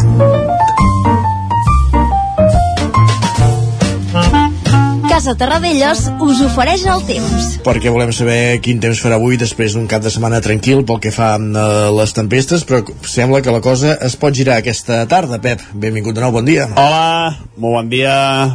De cara a la tarda. Uh, a, a, a, a més, uh, una nit uh, bastant... Uh, una nit serena, una nit amb pocs núvols, uh, i això serà fins al migdia. Fins al migdia tindrem pocs núvols, però atenció perquè avui serà un dia més inestable. A partir de, la, de les dues, tres eh, de la tarda començant aquestes nuvolades. Atenció que faran amb força avui eh, i pot caure tempestes importants. Eh, hi ha un servei, hi ha, hi ha un, un avís, perdó, del Servei Meteorològic de Catalunya, eh, que poden caure més de 20 litres només mitja hora eh, a totes les comarques, eh, Moianès, Vallès, Osona, i Ripollès. Uh, jo crec que sobretot Ripollès i Osona seran les comarques on més pot ploure. Atenció que es poden acumular 20, 30, 40 litres sobretot cap a la zona uh, del Pirineu. Per tant una mica de precaució. Les temperatures màximes molt semblants a les d'ahir. La majoria de valors entre els 25 i els 30 graus. I això és tot, a disfrutar el dia d'avui un dia amb unes temperatures encara força suaus per l'època de l'any, podria fer molta més calor, i un dia de tempestes. Aquesta tarda, atenció, les tempestes seran eh, fortes en algunes poblacions. Moltes gràcies, fins demà, adeu. Doncs pendents d'aquestes tempestes i dels avisos del Servei Meteorològic de Catalunya. Gràcies, Pep. Fins demà. Casa Tarradellas us ha ofert aquest espai. Territori 17. Envia'ns les teves notes de veu per WhatsApp al 646 079 023. 646 079 023. WhatsApp Territori 17.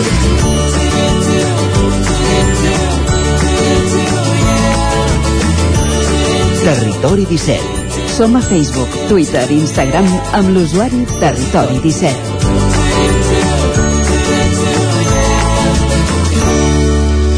Ara mateix, dos minuts perquè sigui un quart d'onze del matí.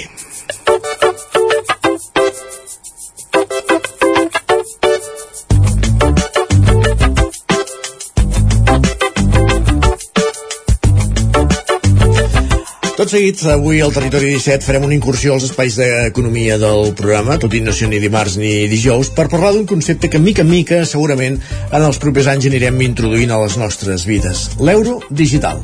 Ha de ser una nova moneda d'índole digital, equivalent al dòlar actual, però amb moltes més prestacions d'agilitat en els pagaments, equivalent, volem dir, a l'euro actual. Hi ha un emprenedor biguetà, Àlex Saiz, a qui fins i tot la Cambra d'Osona ha reconegut aquest any amb el Premi a la Innovació i el Talent del Premi Osonenc de l'any, que a través de la seva pròpia fintech, Money, està desenvolupant una moneda digital per encàrrec del Banc d'Espanya. En aquest cas, l'EURM, és com es diu aquesta moneda, EUREM, i que es posarà en pràctica de forma pilot en un grup determinat de persones a partir del 15 de setembre. És la feina que s'avança a l'espera que la Comissió Europea autoritzi de, el nou euro digital. Saiz va ser divendres al Nou TV, al programa I Bona Lletra, i en podem recuperar alguns fragments per entendre millor de què estem parlant.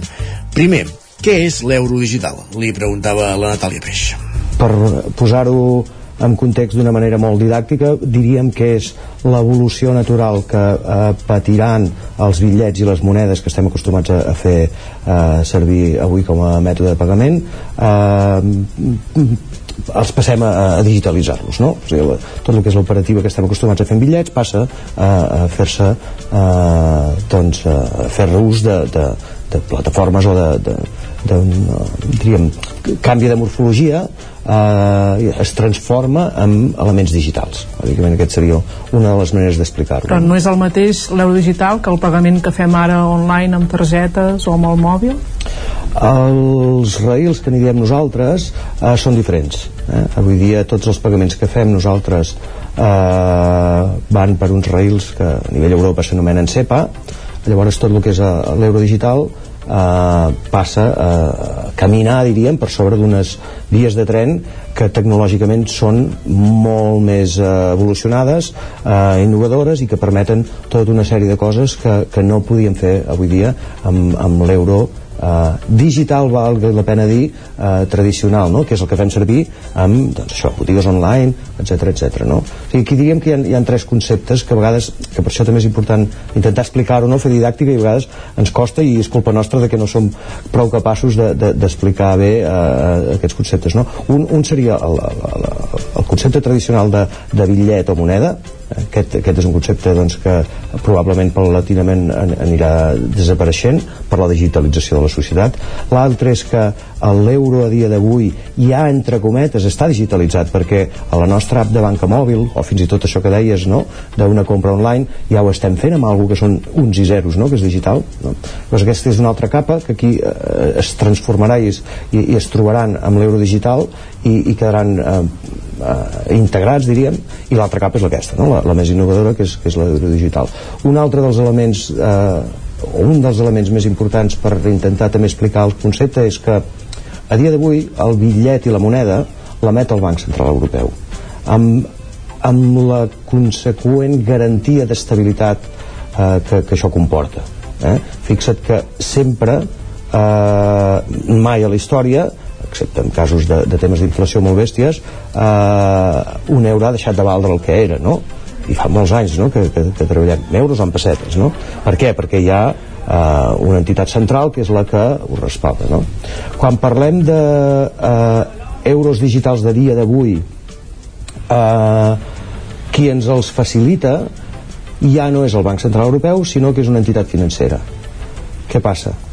per exemple, si anem a comprar un pis eh, i ens donen una hipoteca una entitat financera d'aquí Caixa, Sabadell, BBVA, Santander el que fa, fa un apunt fals entre cometes en els seus llibres i diuen et deixo 200.000 euros per anar a comprar un pis però en realitat no els té eh? Com una promesa no, de que t'entrega una cosa que sí que en realitat a nivell de, de números eh, t'ho entrega perquè puguis anar a comprar un pis um, a diferència d'això uh, hi ha el tema dels dipòsits i és que uh, tu quan entregues uns diners a una entitat financera et diu que te'ls guarda i et fa una promesa amb, un, amb una llibreta no? de que te'ls tornarà no? però aquí no hi ha un recolzament uh, d'una entitat solvent uh, com és el Banc Central Europeu uh -huh. amb el que després venen les crisis del sistema financer com fa molt poc doncs, que ens hem trobat que, que, que les entitats privades que han entrat, eh, han passat a, a, a formar part de tot el sistema a vegades doncs, passen a ser tan dèbils que, que, que l'entitat reguladora de dalt de tot, que és el Banc Central, les ha de rescatar.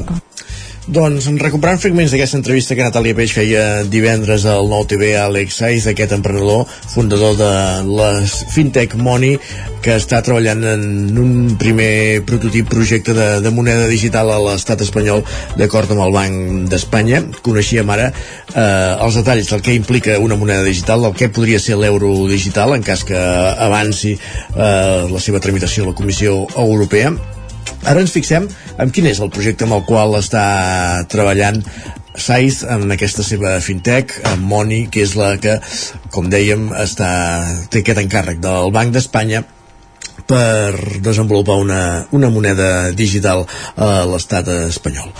Continuem, doncs, escoltant un fragment d'aquesta entrevista. El Banc d'Espanya ens diu treballem, la morfologia i la, la, és el mateix, però per, eh, no ens posem eh, a davant de, del concepte eurodigital que li correspon al Banc Central Europeu liderar-ho i, i a nivell una mica fins i tot de màrqueting i de comunicació volen que, que el concepte eurodigital estigui molt eh, agafat per, per, per, per el lideratge del Banc Central Europeu i llavors si surten altres iniciatives que acaben finalment fusionant-se amb l'eurodigital eh, doncs bueno, anem una mica en paral·lel al costat no?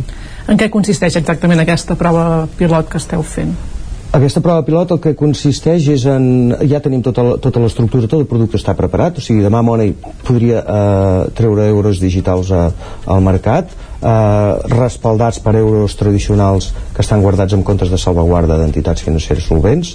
Eh, bàsicament la prova consisteix en que hi ha tota una sèrie de proves tècniques d'estrès eh, i proves d'experiència d'usuari en el que 50 usuaris que, que els hem identificat amb una, amb una gallada de, o amb un uh, pool que n'hi diem de, de, de treball faran tota una sèrie de proves com si el producte fos, uh, estigués llançat al mercat no?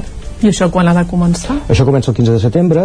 És eh, interessant explicar que és un eh, enfoc diferent del regulador espanyol en quant a, a que planteja, això s'anomena sandbox, no? Eh, planteja o permet o obre la possibilitat a empreses eh, que estan una mica vinculades a, a, a tema tecnològic i si tu vols financer a fer una mica de, de proves eh, abans de treure els productes al mercat no?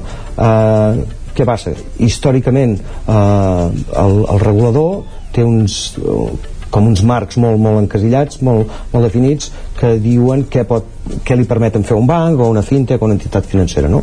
La tecnologia va tan ràpid que tots aquests marcs han quedat obsolets.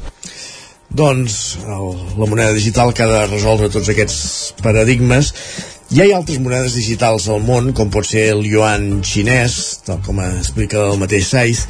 Què passaria si Europa no aposta per l'euro, cedint pressions eh, de polítics o del lobby bancari, que és qui podria veure reduïda la seva quota de mercat, perquè l'euro digital l'expediria directament al Banc Central i molts dels serveis bancaris doncs, no tindrien sentit. Eh, per tant, o és més, altres empreses d'índole digital, com les mateixes fintech, com Moni mateix, també entrarien al pastís eh, de financer. Per tant, evidentment que, que hi ha pressions per la creació d'aquesta moneda, mm, com dèiem, eh, Saiz també posa en alerta, però què podria passar en el cas de, de no avançar cap aquí, tenint en compte que altres zones del món ja, ja ho han fet? A nivell, jo diria que eh, polític, eh, si fos possible eh, com que hi ha tanta pressió del lobby financer no prendrien cap decisió els polítics perquè és, un, és una patata calenta que, que, que, que és complexa de solucionar no? perquè hi ha punts en els que pot posar en, en, totalment en, en escac i mat el sector financer però d'una manera molt, molt eh, dramàtica eh? Um, S'ha d'entendre que l'euro digital perdona, és un, una eina de pagament i no d'inversió? És una eina de pagament però és que té una doble és un boomerang no? en el moment que tu a la gent li expliquis que els teus euros digitals que portes a la butxaca eh, estan respaldats per algú que és més solvent que una entitat financera potser els dipòsits que tu tens en una entitat financera tradicional preferiràs que estiguin respaldats pel, pel Banc Central Europeu amb el que si no vigilem podem provocar una caiguda o un trasbàs de tots els diners o de molts diners que tenim en entitats privades eh, amb una entitat que és més solvent que és el Banc Central amb el que en dos dies doncs, ens, ens els carreguem a tots llavors això també és un tema de, molt, molt, que, que el regulador i els polítics estan vigilant molt no? Tornant al tema del yuan digital hi ha 250 milions de xinesos que ja van amb, amb yuan digital amb l'equivalent d'euro digital a la Xina 250 milions de xinesos que el porten ja eh, com a moneder a dintre del seu mòbil. Eh, a nivell Europa no, no hi ha ganes de fer l'euro digital però ens trobem que o ho fem o ens arrisquem a que hi hagi algun canvi de paradigma eh, a nivell internacional que pogués potencialment provocar que, que el, yuan digital passés a ser una moneda de, de circulació i de lliure circulació i acceptada dintre de la Unió Europea amb el que això tots podem imaginar què comportaria a nivell polític macro eh, i a nivell de, de, de, de mental no? de, de, de tot, el, tot el invent que hem fet a, a Europa no? Doncs aquesta és la situació de, de l'euro digital, eh, l'hem repassat, com dèiem, amb Alex Saiz, un biguetà, un emprenedor biguetà, que és el fundador de Money, que és aquesta fintech, eh, la primera que ha rebut l'autorització del Banc d'Espanya per començar a desenvolupar una moneda digital que no és l'euro com el tenim entès avui, que sí que té el mateix valor i que tampoc tindríem i que tampoc i que va molt més enllà de les aplicacions digitals que podem fer servir ara mateix per intercanviar moneda. Eh, ens explicava això eh, la creació d'aquest euro digital però encara està a expenses de que s'aprovi la Comissió Europea per donar el vistiplau al Banc Central Europeu que pugui començar-lo a emetre. Hi ha pressions del lobby financer perquè això no sigui així però d'altra banda com escoltàvem en aquesta última resposta que feien aquesta entrevista al programa Ivona Lletra del Nou TV el passat divendres a Alex Saiz eh, hi ha altres zones del món on ja s'ha evolucionat en moneda digital i només falta que un dia hi hagi un canvi de, de regulació que permeti que aquesta moneda tingui lliure circulació pel nostre territori que les coses podrien canviar. Ho hem repassat avui en aquest espai aquí al territori 17, hem parlat d'euro digital com dèiem amb Àlex Saiz eh, que divendres era al Nou TV i avui n'hem recollit alguns dels seus, alguns dels fragments d'aquesta entrevista.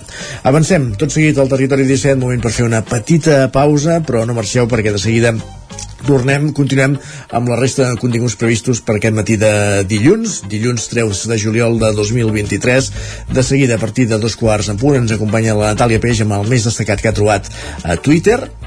I acte seguit acabarem el programa amb la tertúlia esportiva, com cada dilluns, repassant eh, l'actualitat esportiva, valgui la redundància de, de, de l'àmbit general, fixant-nos, fixant per exemple, en l'actualitat eh, blaugrana, que amb, al final del mes de juny rebia la notícia per part del UEFA que podrà eh, disputar competicions europees la temporada vinent davant les sospites que hi havia que no pogués fer-ho pel cas Negreira. Serà un dels elements que posarem sobre la taula i d'altres aspectes d'actualitat que, que abordarem com cada setmana a la tertúlia esportiva per complementar el territori 17 d'aquest matí de dilluns 3 de juliol de 2023 pausa i tornem. Fins ara mateix la ràdio de casa al 92.8. El 9 FM.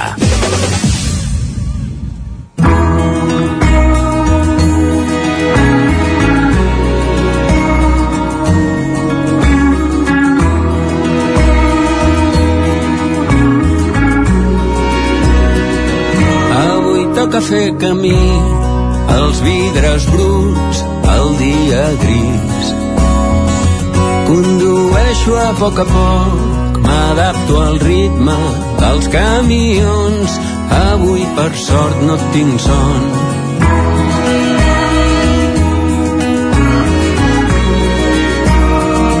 Per no tornar a sentir el mateix, apago la ràdio, sento el motor.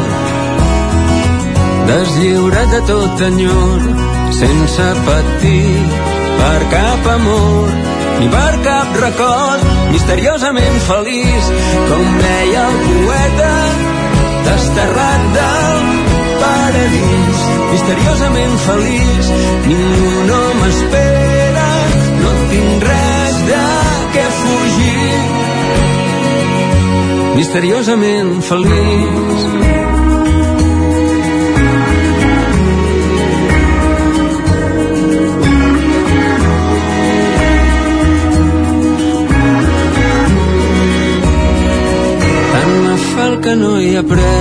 si el que ningú ensenya és el que et serveix. No em preocupa el que faré, passi el que passi, m'estarà bé. No espero res, misteriosament feliç, com deia el poeta, desterrat del paradís. Misteriosament feliç, ningú no m'espera, no tinc res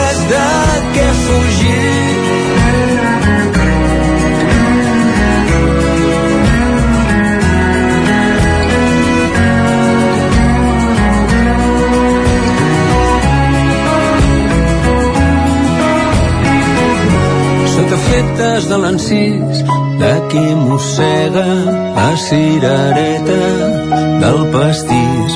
Secretament despert lúcid per veure que per les esquerdes la llum es va fent camí misteriosament feliç com deia el poeta desterrat del paradís. Misteriosament feliç ningú no m'espera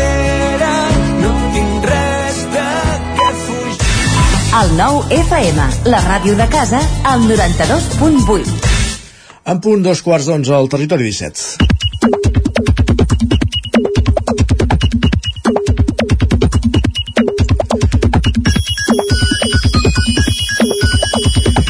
I al territori 17, temps, temps de piolades, és temps de Twitter, i per això ens acompanya avui la Natàlia Peix un dia més. Benvinguda, bon dia. Hola, bon dia.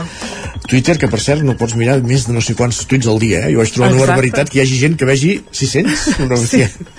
Doncs precisament sobre aquesta limitació que voldria posar Elon Musk, perquè encara no està ben clar si realment s'acabarà aplicant o no, uh, doncs bé, el propietari de Twitter això vol limitar la quantitat de tuits que poden veure els usuaris de la xarxa social que no paguen i han recollit algunes piulades al respecte. Ah, hi ha qui paga?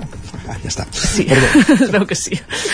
L'Albert Cuesta ens hi posa una mica de llum a veure si s'entén. Això que Musk està fent és protegir el patrimoni de Twitter, el contingut i les relacions entre usuaris dels xucladors de dades a l'engròs.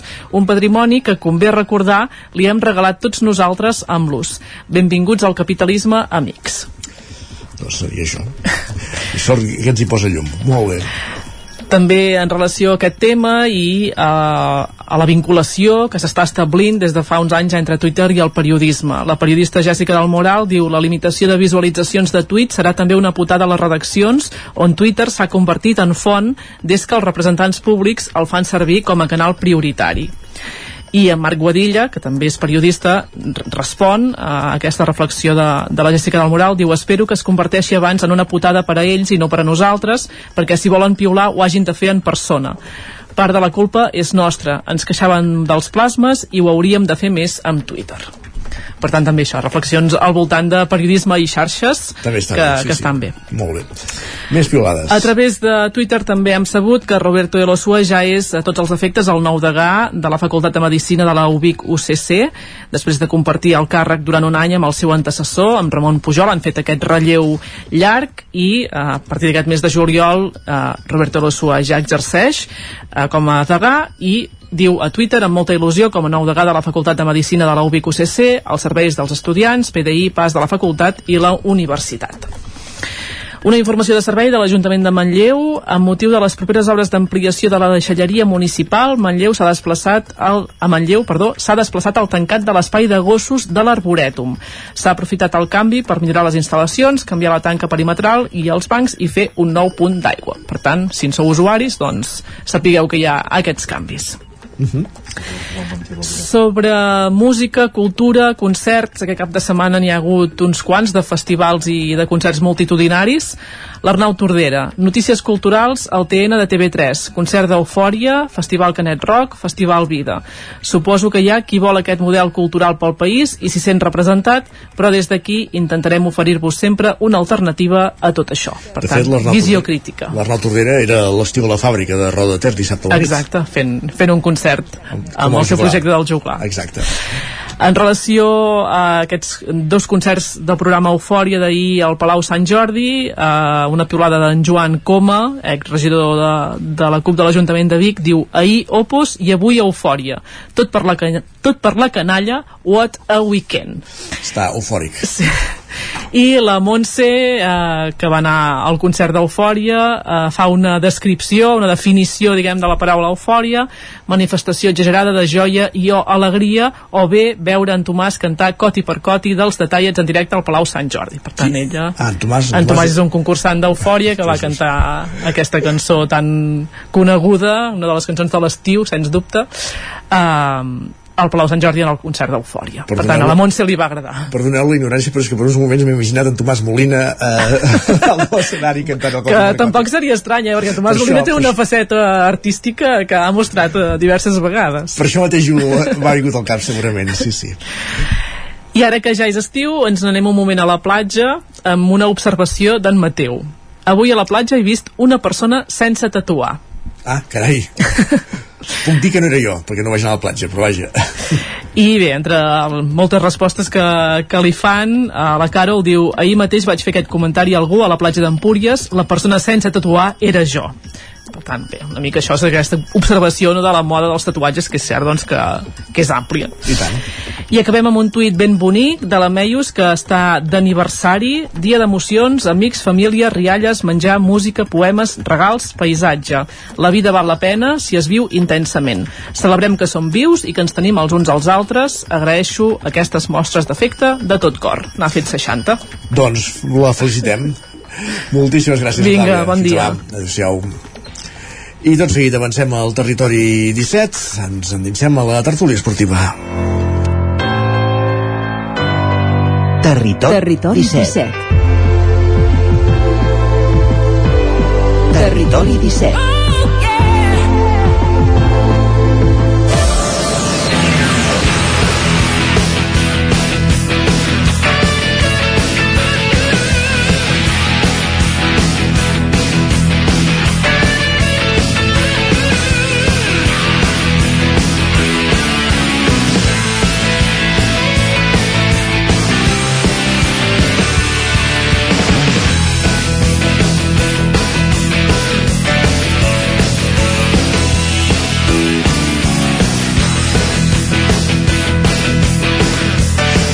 Doncs temps de tertúlia esportiva, com dèiem, al territori 17, en companyia de Lluís de Planell, que ja arriba als estudis del 9FM, i també de l'Isaac Montades, que el tenim als estudis de la veu de Sant Joan. Benvinguts tots dos, bon dia. Bon dia. Bon dia.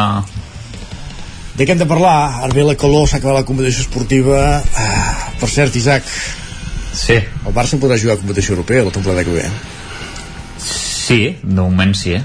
Està bé perquè hi ha aquesta doble de vara de Madí, no? que per, en el cas de l'Ossassuna, que és l'altre equip eh, espanyol que se li que, que per, uns fets que em sembla que venen de, de principis de la dècada passada sí. si no recordo malament vull dir que també és curiós aquesta doble vara de Madí d'uns fets molt més antics que se li impedeixi, bueno, no, no sé si és oficial ja, però que se li impedia jugar a la Conference League i en canvi el Barça per uns fets que teòricament eh, són més a prop en el temps eh, i s'han allargat durant molts més anys i després que en, en Steferin, el president de la UEFA digués que era el més greu que havia vist en els últims anys doncs no hi hagi cap càstig suposo que alguna cosa li deu haver promès al Barça en Ceferin potser no Ah, sí? sé si sortir de la Superliga o, o alguna Diner- cosa d'aquest estil Diners no crec, però vaja. no, diners està clar que no, perquè no, la caixa del Barça està, està buida, com tots sabeu, i per això, doncs, eh, bueno, han de portar o jugadors gratis o, o intentar mm, bueno, no sé, fitxar jugadors d'aquests de, de segona fila, no? És que la diferència eh, de, entre Osasuna i el Barça és que els gats de la- de l'Osasuna, que penso que és del 2012, està jutjat sí. i condemnat. I, per tant, eh, l'Osasuna no havia arribat a competició europea fins, des de, de les hores fins ara. Vull dir, és la primera vegada que participa a Europa des del 2012. I és per aquest motiu eh, que la sanció s'aplica ara. I el Barça que no canta victòria perquè una cosa és això, eh, que en principi no, no vegin indicis, i l'altra cosa mm -hmm. és que la, el, el, el conflicte tiri endavant i es produeixi un judici i aquí hi hagi una sentència i llavors mm, poden passar moltes coses però si l'Ossassuna eh, és de l'any 2012 per tant fa 11 anys imagina't Clar, el, imagina't el que pot passar. Però el mateix és important, hi ha una sentència, està, està clar, eh, en el cas del Barça ara mateix no, no, hi ha, no s'ha arribat a aquesta situació i el que s'ha autoritzat és que pugui competir la temporada que ve, que és el que... però, o sigui, pot competir la temporada que ve no vol dir que no eh, caigui una sanció per aquest Correcte. el concepte sí. més endavant, això és el que vull dir jo. Correcte. Eh, que, no dic que, no, que, que no dic que caigui, eh? Sí, sí, que, que pot. Exacte. Però ostres, sorprèn l'Ossassuna, pobres, que després d'11 anys se'n recordin d'això. És a dir, que perquè no hagin jugat condició europea, no sé, sanciona'ls a la Lliga, fes alguna altra cosa, mm, no ho sé, no, no sé si es podria fer alguna altra cosa, però però ostres, sap greu perquè és que això fa més d'una dècada. Sí, que... està dins el termini de la condemna per entendre'ns. Clar, no sé quin és el termini no sé quin és el termini, si, havia, si prescriu si no, és que no ho sé, això desconec totalment. la, la UEFA però... diuen que aquests delictes no prescriuen mai Carai. Ah, doncs... hi han hagut els casos de, de la Juventus per exemple que eh, mm. han patit moltíssim i mm, segons opinió de la UEFA per exemple judicialment jo diria que l'assumpte Negreira el, eh, judicialment no, no es pot actuar perquè precisament ha prescrit però a nivell de, de UEFA eh, no, no hi ha res que, de, que prestigui per tant pot, pot patar en qualsevol moment Sí, sí, esperem que més aviat que, que tard. Exacte. De totes maneres, eh, per exemple, penso que ahir va començar eh, eh, a entrenar el Celta o sigui, ja hi ha un equip de primera divisió que treballa, sí. encara que no sigui el Barça o el Madrid, també és una, una també és notícia. També és important, sí. I, i llavors em penso que és el dia 4, per tant demà eh, hi ha un equip de, català de segona divisió que comença a entrenar també. Ah, ara, ara hi anirem, no, només volia fer una reflexió amb això que dèiem de, de l'Ossassuna, eh, que, que de fet pel que hem dit en aquesta tertúlia més d'una vegada, que això de la Conference League, eh, jugues contra equips que no coneixen ni a casa seva, potser tampoc és tan problema que no la puguis competir, no, al final? Home, ho van celebrar molt, eh, quan es va Sí, sí, no, això és cert. Sí, sí. sí però, com que recomanaven fins i tot al Girona que ho deixés córrer, que no calia, doncs mira, el, el, Home, el, el que s'hi va greu per Osasuna. Està clar. Que, que, que fins i tot va arribar a jugar a la Champions fa, bueno, principis del segle passat. Exacte. 2005 o així, no, que va jugar a la Champions. I a més, esclar, si no jugarà a l'Osasuna, però jugarà al Bilbao vull dir que en definitiva Exacte, algun equip de la Lliga Espanyola hi anirà sí, sí. Eh, vull dir sí, que sí. Eh, des d'aquest punt de vista és igual quin, quin sigui que, eh, que a mi des del punt de vista esportiu i competitiu la conferència aquesta no té cap interès, això és, és, és ben cert. Uh mhm. -huh. El que passa és que, clar, això ho dic quan el meu equip no s'ha classificat. Vull dir que, clar, si un es classifica per Europa, encara que sigui a la tercera competició, la menys atractiva, doncs suposo que sempre fa gràcia. El teu equip, deies, Lluís, que comença demà ja a treballar en aquest nou projecte de segona divisió, però del qual se'n coneixen pocs detalls. Tot just divendres vaig veure que es presentava aquell home que no facis dir el nom, eh? que tu em vas dir que el tindries complicat. Garagarza. Garagarza. Ja, ja me'l sé. Ja molt ja, hem anat assajant. que té nom d'acudit, eh? Sí, el que passa que és basc, vull dir que encara podia ser pitjor, eh? Sí. Eh, en... Garagarza Goixe. Sí. El tema, bé, aviam, aviam, aviam. Ahir vaig anar amb una amb un getó de perica que se celebra cada, cada, primer de, cada dia, primer diumenge de juliol a Argentona. Allà hi ha personatges de, del club personatges de tot arreu.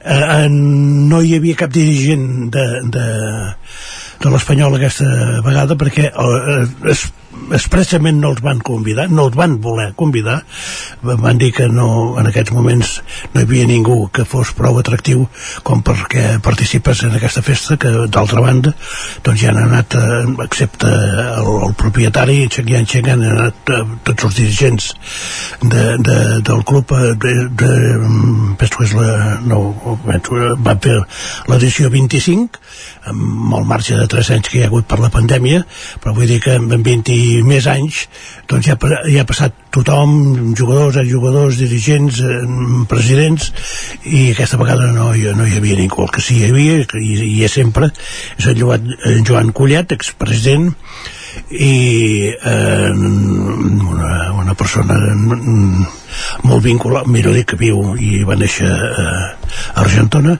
i llavors allò, allà, allà es va parlar una mica de la situació del club i es va parlar de la poca difusió que té l'entitat, del poc interès que sembla que tinguin els mateixos dirigents a explicar totes les coses que es fan i el que vaig dir jo aquí eh, i vaig repetint cada, cada vegada que em doneu micro i és que no, el club no es mou no, no, no, no hi ha no, no, no es fa res, no hi ha activitat. Es va presentar aquest, eh, el director esportiu Garagarza que, que, que sí que va fer una gran tasca eh, a l'Eiber l'Eiber, els millors de eh, anys de l'Eiber van ser en, amb ell, eh, diguem, en el club, en diverses funcions, però, eh, però bé, bé, bé hem, de, hem de veure aviam, si el deixaran treballar o no el deixaran treballar aviam si aconseguirà va dir que volia parlar amb els jugadors un a un si aconseguirà que, la, que les perles que no haurien de marxar doncs es quedin i a partir d'aquí doncs eh, bueno, suposo que tard o d'hora hi haurà notícies i sabrem aviam què passa i si efectivament doncs el club eh, anarà, va per, per fer una temporada com la que ha de fer que és eh, estar en, en un dels dos primers llocs i pujar de categoria o si no eh, fem una saragossada i ens estem aquí no sé quant temps. Que, per no haver-hi notícies de fet no hi ha ni, és això, ni sortides. Vull dir que ni, ni sortides sí, sí. ni entrades. bueno, sí, en Pedrosa Pedrosa sí. anat al, perquè acabava el contracte i ja estava, ja estava dat i beneït i ja se sabia que aniria al Sevilla. I, José i l'única cosa sí, i llavors en Dimatà torna perquè eh, estava cedit. En Pol Lozano torna perquè també estava cedit i llavors vull dir que bueno, Pol Lozano per exemple va fer una campanya extraordinària amb el, amb el, el, el, el Granada ha pujat a, a, a primera sent titular al Granada i llavors aviam, aviam si aquí l'aprofitarem o els deixarem perdre com, com han passat en, en tants casos ahir, per exemple a Girona. Hi havia el pare d'en Joan Terrats un, un jugador de Girona que en aquests moments ha fitxat pel Villarreal.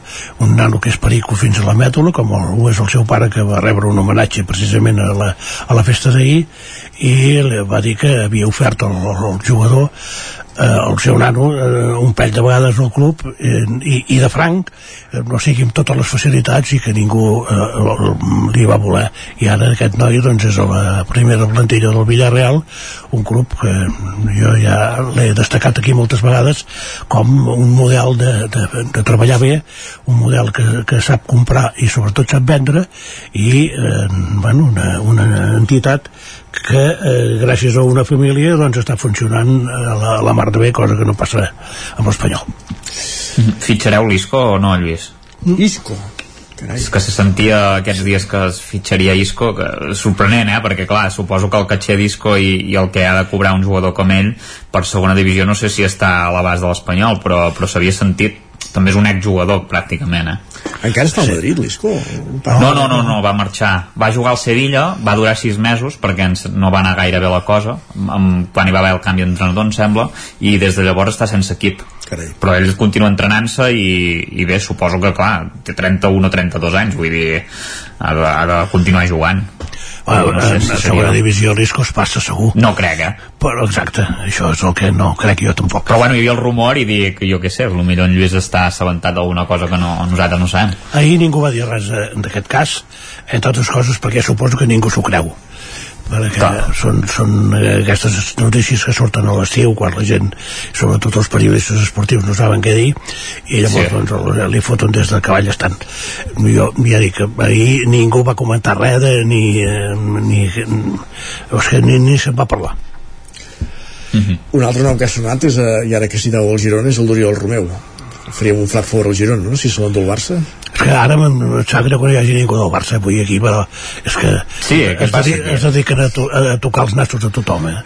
Oita sí, la penya sí. en parla també un, un jugador extraordinari que, això, que, ja, sempre ho ha fet el Barça, això. Un milió d'euros i apa, cap a casa.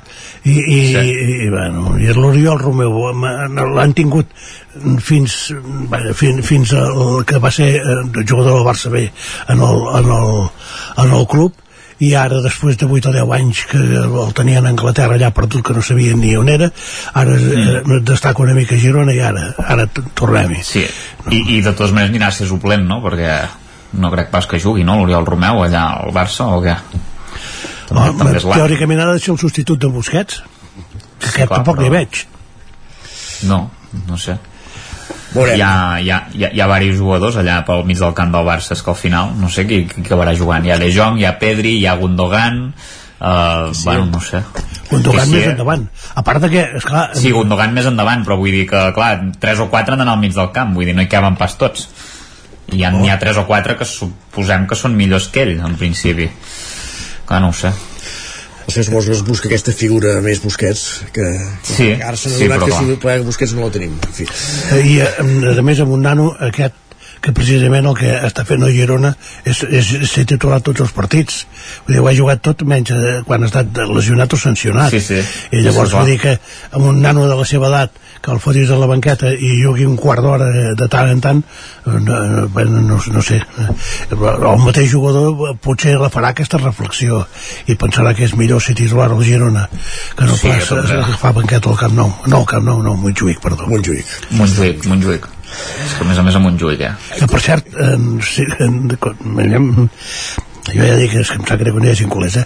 però eh, eh, tenim, tenim possibilitats tenim moltes possibilitats de tenir més abonats nosaltres a segona que el Barça primera Ui, això ho veurem, eh, Lluís.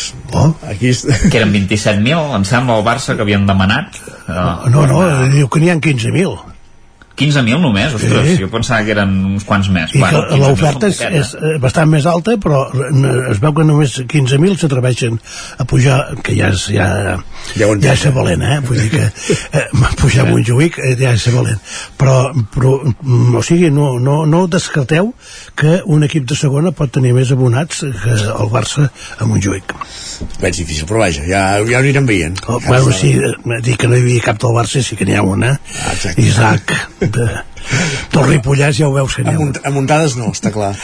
Sí, exacte, l'altre Isaac. Sí, sí. Escolta'm, uh, Lluís, com has dit que era? Uh, uh, uh, aquesta trobada que va anar a fer Argentona, què has dit que era? Una, una mongetada. Una mongetada. T'has anat a cap mongetada del Madrid muntades o no? No, no, en principi no, no crec que facin mongetades, eh? Hi ha una penya madridista aquí al Ripollès, que tampoc, que tampoc sol ser molt habitual, no sé si n'hi ha a Osona, suposo que n'hi deu haver alguna, no, a Osona, de penya madridista o no? que jo sàpiga no No em consta. No, doncs pues mira, al, Ri- al Ripollès en tenim una a Ripoll, just al costat de- d'on tenim el nostre periodista, l'amic Jordi Ramolins, estan de costat, vull dir que fan bones migues, ell que és tant del Barça, i no ho sé, no ho sé, allà me'n recordo que les braves eren molt bones, feien una cosa que es deien flamenquines que també eren molt bons, però no, mongetades en principi no, no se'n fan. Però per tant no tens cap informació d'aquesta que ens puguis aportar sobre el futur Bueno, del Blanco? A veure, de futur del Club Blanc avui sortia, per exemple, que, que s'està parlant de si ha de sortir Mendy que és un jugador doncs, que aquest any ha estat molt irregular, no? problemes de, de lesions, tampoc ha acabat d'estar fi en alguns partits així importants que ha jugat, que Mavinga a la seva posició doncs, de lateral també ho ha fet, ho ha fet prou bé i, i s'està intentant veure aviam si es pot fer caixa també és un jugador que porta uns quants anys al club però deu portar 3 o 4 temporades al club vull dir, no és, no és un que acabi d'arribar i, i bé, no ho sé. Ara també el mercat del Madrid sembla que està bastant aturat. Vull dir que en principi no hauria d'arribar ningú més excepte si hi ha l'oportunitat d'Mbappé que és un sainet que com sempre doncs el tenim cada any perquè no se sap ara què passarà amb el PSG s'han intentat reunir bueno, s'han reunit diverses vegades. No se sap si renovarà renovarà perquè el vengui l'any vinent, eh? no per una altra cosa, eh? perquè sí que ell ha dit en principi que serà el seu últim any, perquè ell vol la prima del fitxatge d'aquest any i vol quedar-se, però el PSG no vol deixar-lo anar gratis, llavors per no deixar-lo anar gratis l'has de vendre aquesta temporada, però ell no vol, vull dir, i alhora, i alhora si sorgeix l'oportunitat doncs el Madrid estarà atent, no ho sé i aquest cas hi ha, hi ha el cas d'Alfonso Davis que també el Bayern esperava una oferta del Madrid per endur-se'l eh, però bueno, són rumors de moment no... els fitxatges que s'han confirmat els va, va fer els deures ràpid al Madrid. Hi havia cada dia que era un comunicat.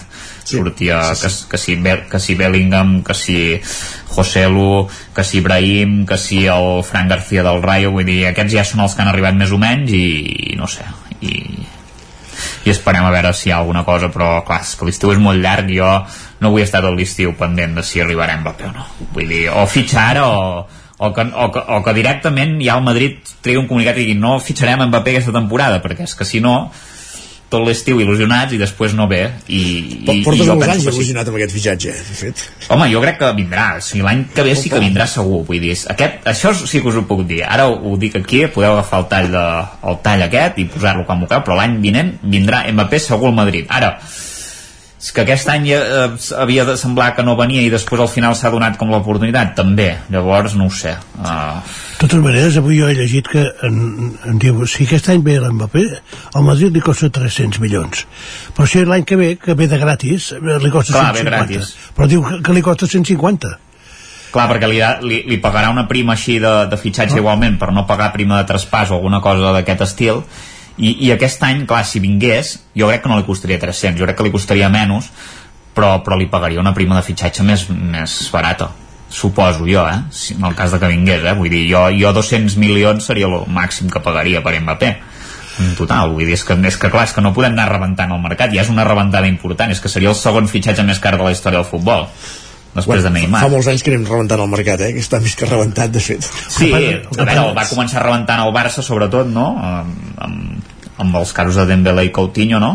I Griezmann, i a partir d'aquí, doncs, bueno, el PSG també va, ja, ja ha contribuït de totes maneres ja dic és que suposo que, que el, el París el que vol també és fer-ne algun caler vull dir que sí. es conformarà per exemple el París amb 100 milions d'euros per exemple i que, Clar, que, que l'any que ve el París traurà aquests diners, zero ja. Vull dir, o sigui, el que pot treure ho ha de treure aquest any, no sé, no, amb 100 milions no, però ostres, jo crec que amb 150 ostres, no, no es podria confirmar el Paris Saint-Germain amb 150 milions, de veritat que no o sigui, és, són molts diners, eh? pots fitxar dos o tres jugadors bons i, i fer una, intentar fer un equip, perquè el que no té el PSG és un equip, té estrelles que cada cop en té menys perquè marxa, va marxar Messi que era, bueno, era un puntal del PSG, però com aquell qui diu amb 36 o 37 anys que té. I ha estat dos anys només, eh? i ha estat dos anys. Vull dir, no sé si Sergio Ramos continua també, no ho tinc clar, no recordo si va dir que també marxava, vull dir... Diu, bueno, diuen que no, eh? Creo que no ho sé, no ho sé, no ho sé.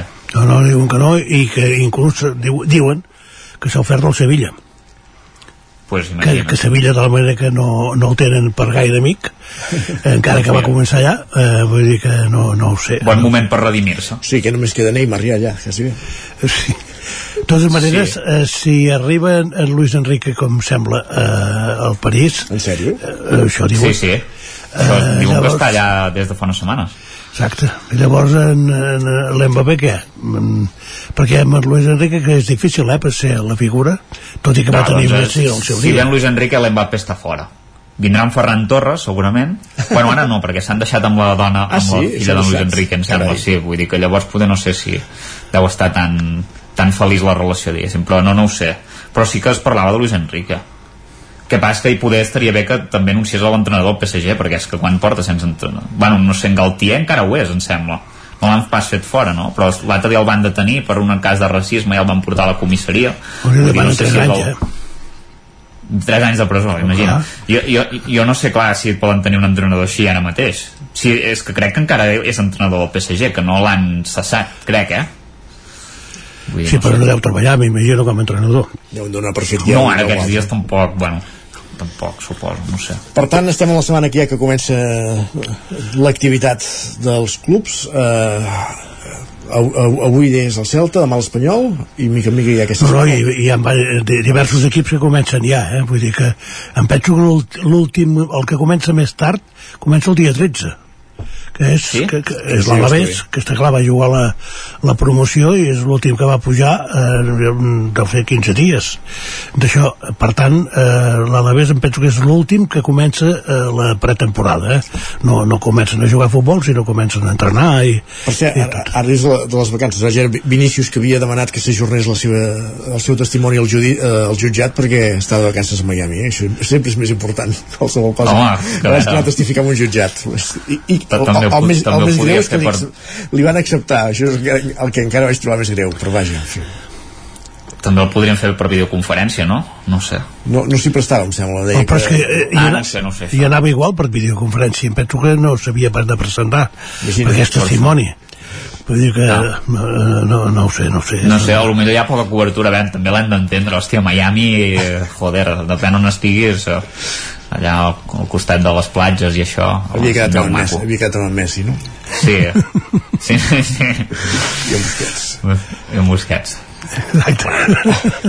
Oi, Jordi Alba també diuen que hi va, eh? Oh, sí, eh? Home, el retrobament, ostres.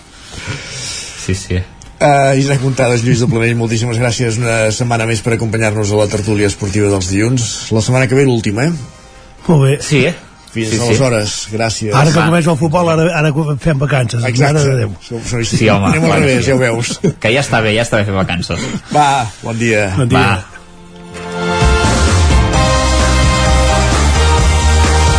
I amb la tertúlia esportiva que també al Territori 17 us hem acompanyat des de les 9 del matí Pepa Costa, Laura Serrat, Natàlia Peix, Isaac Montades, Roger Rams, Pol Grau, eh, Lluís de Planell, Sergi Vives i Isaac Moreno. El Territori 17 hi torna demà a partir de les 9 del matí. Fins aleshores. Gràcies per ser-hi. Molt bon dilluns. Adéu-siau.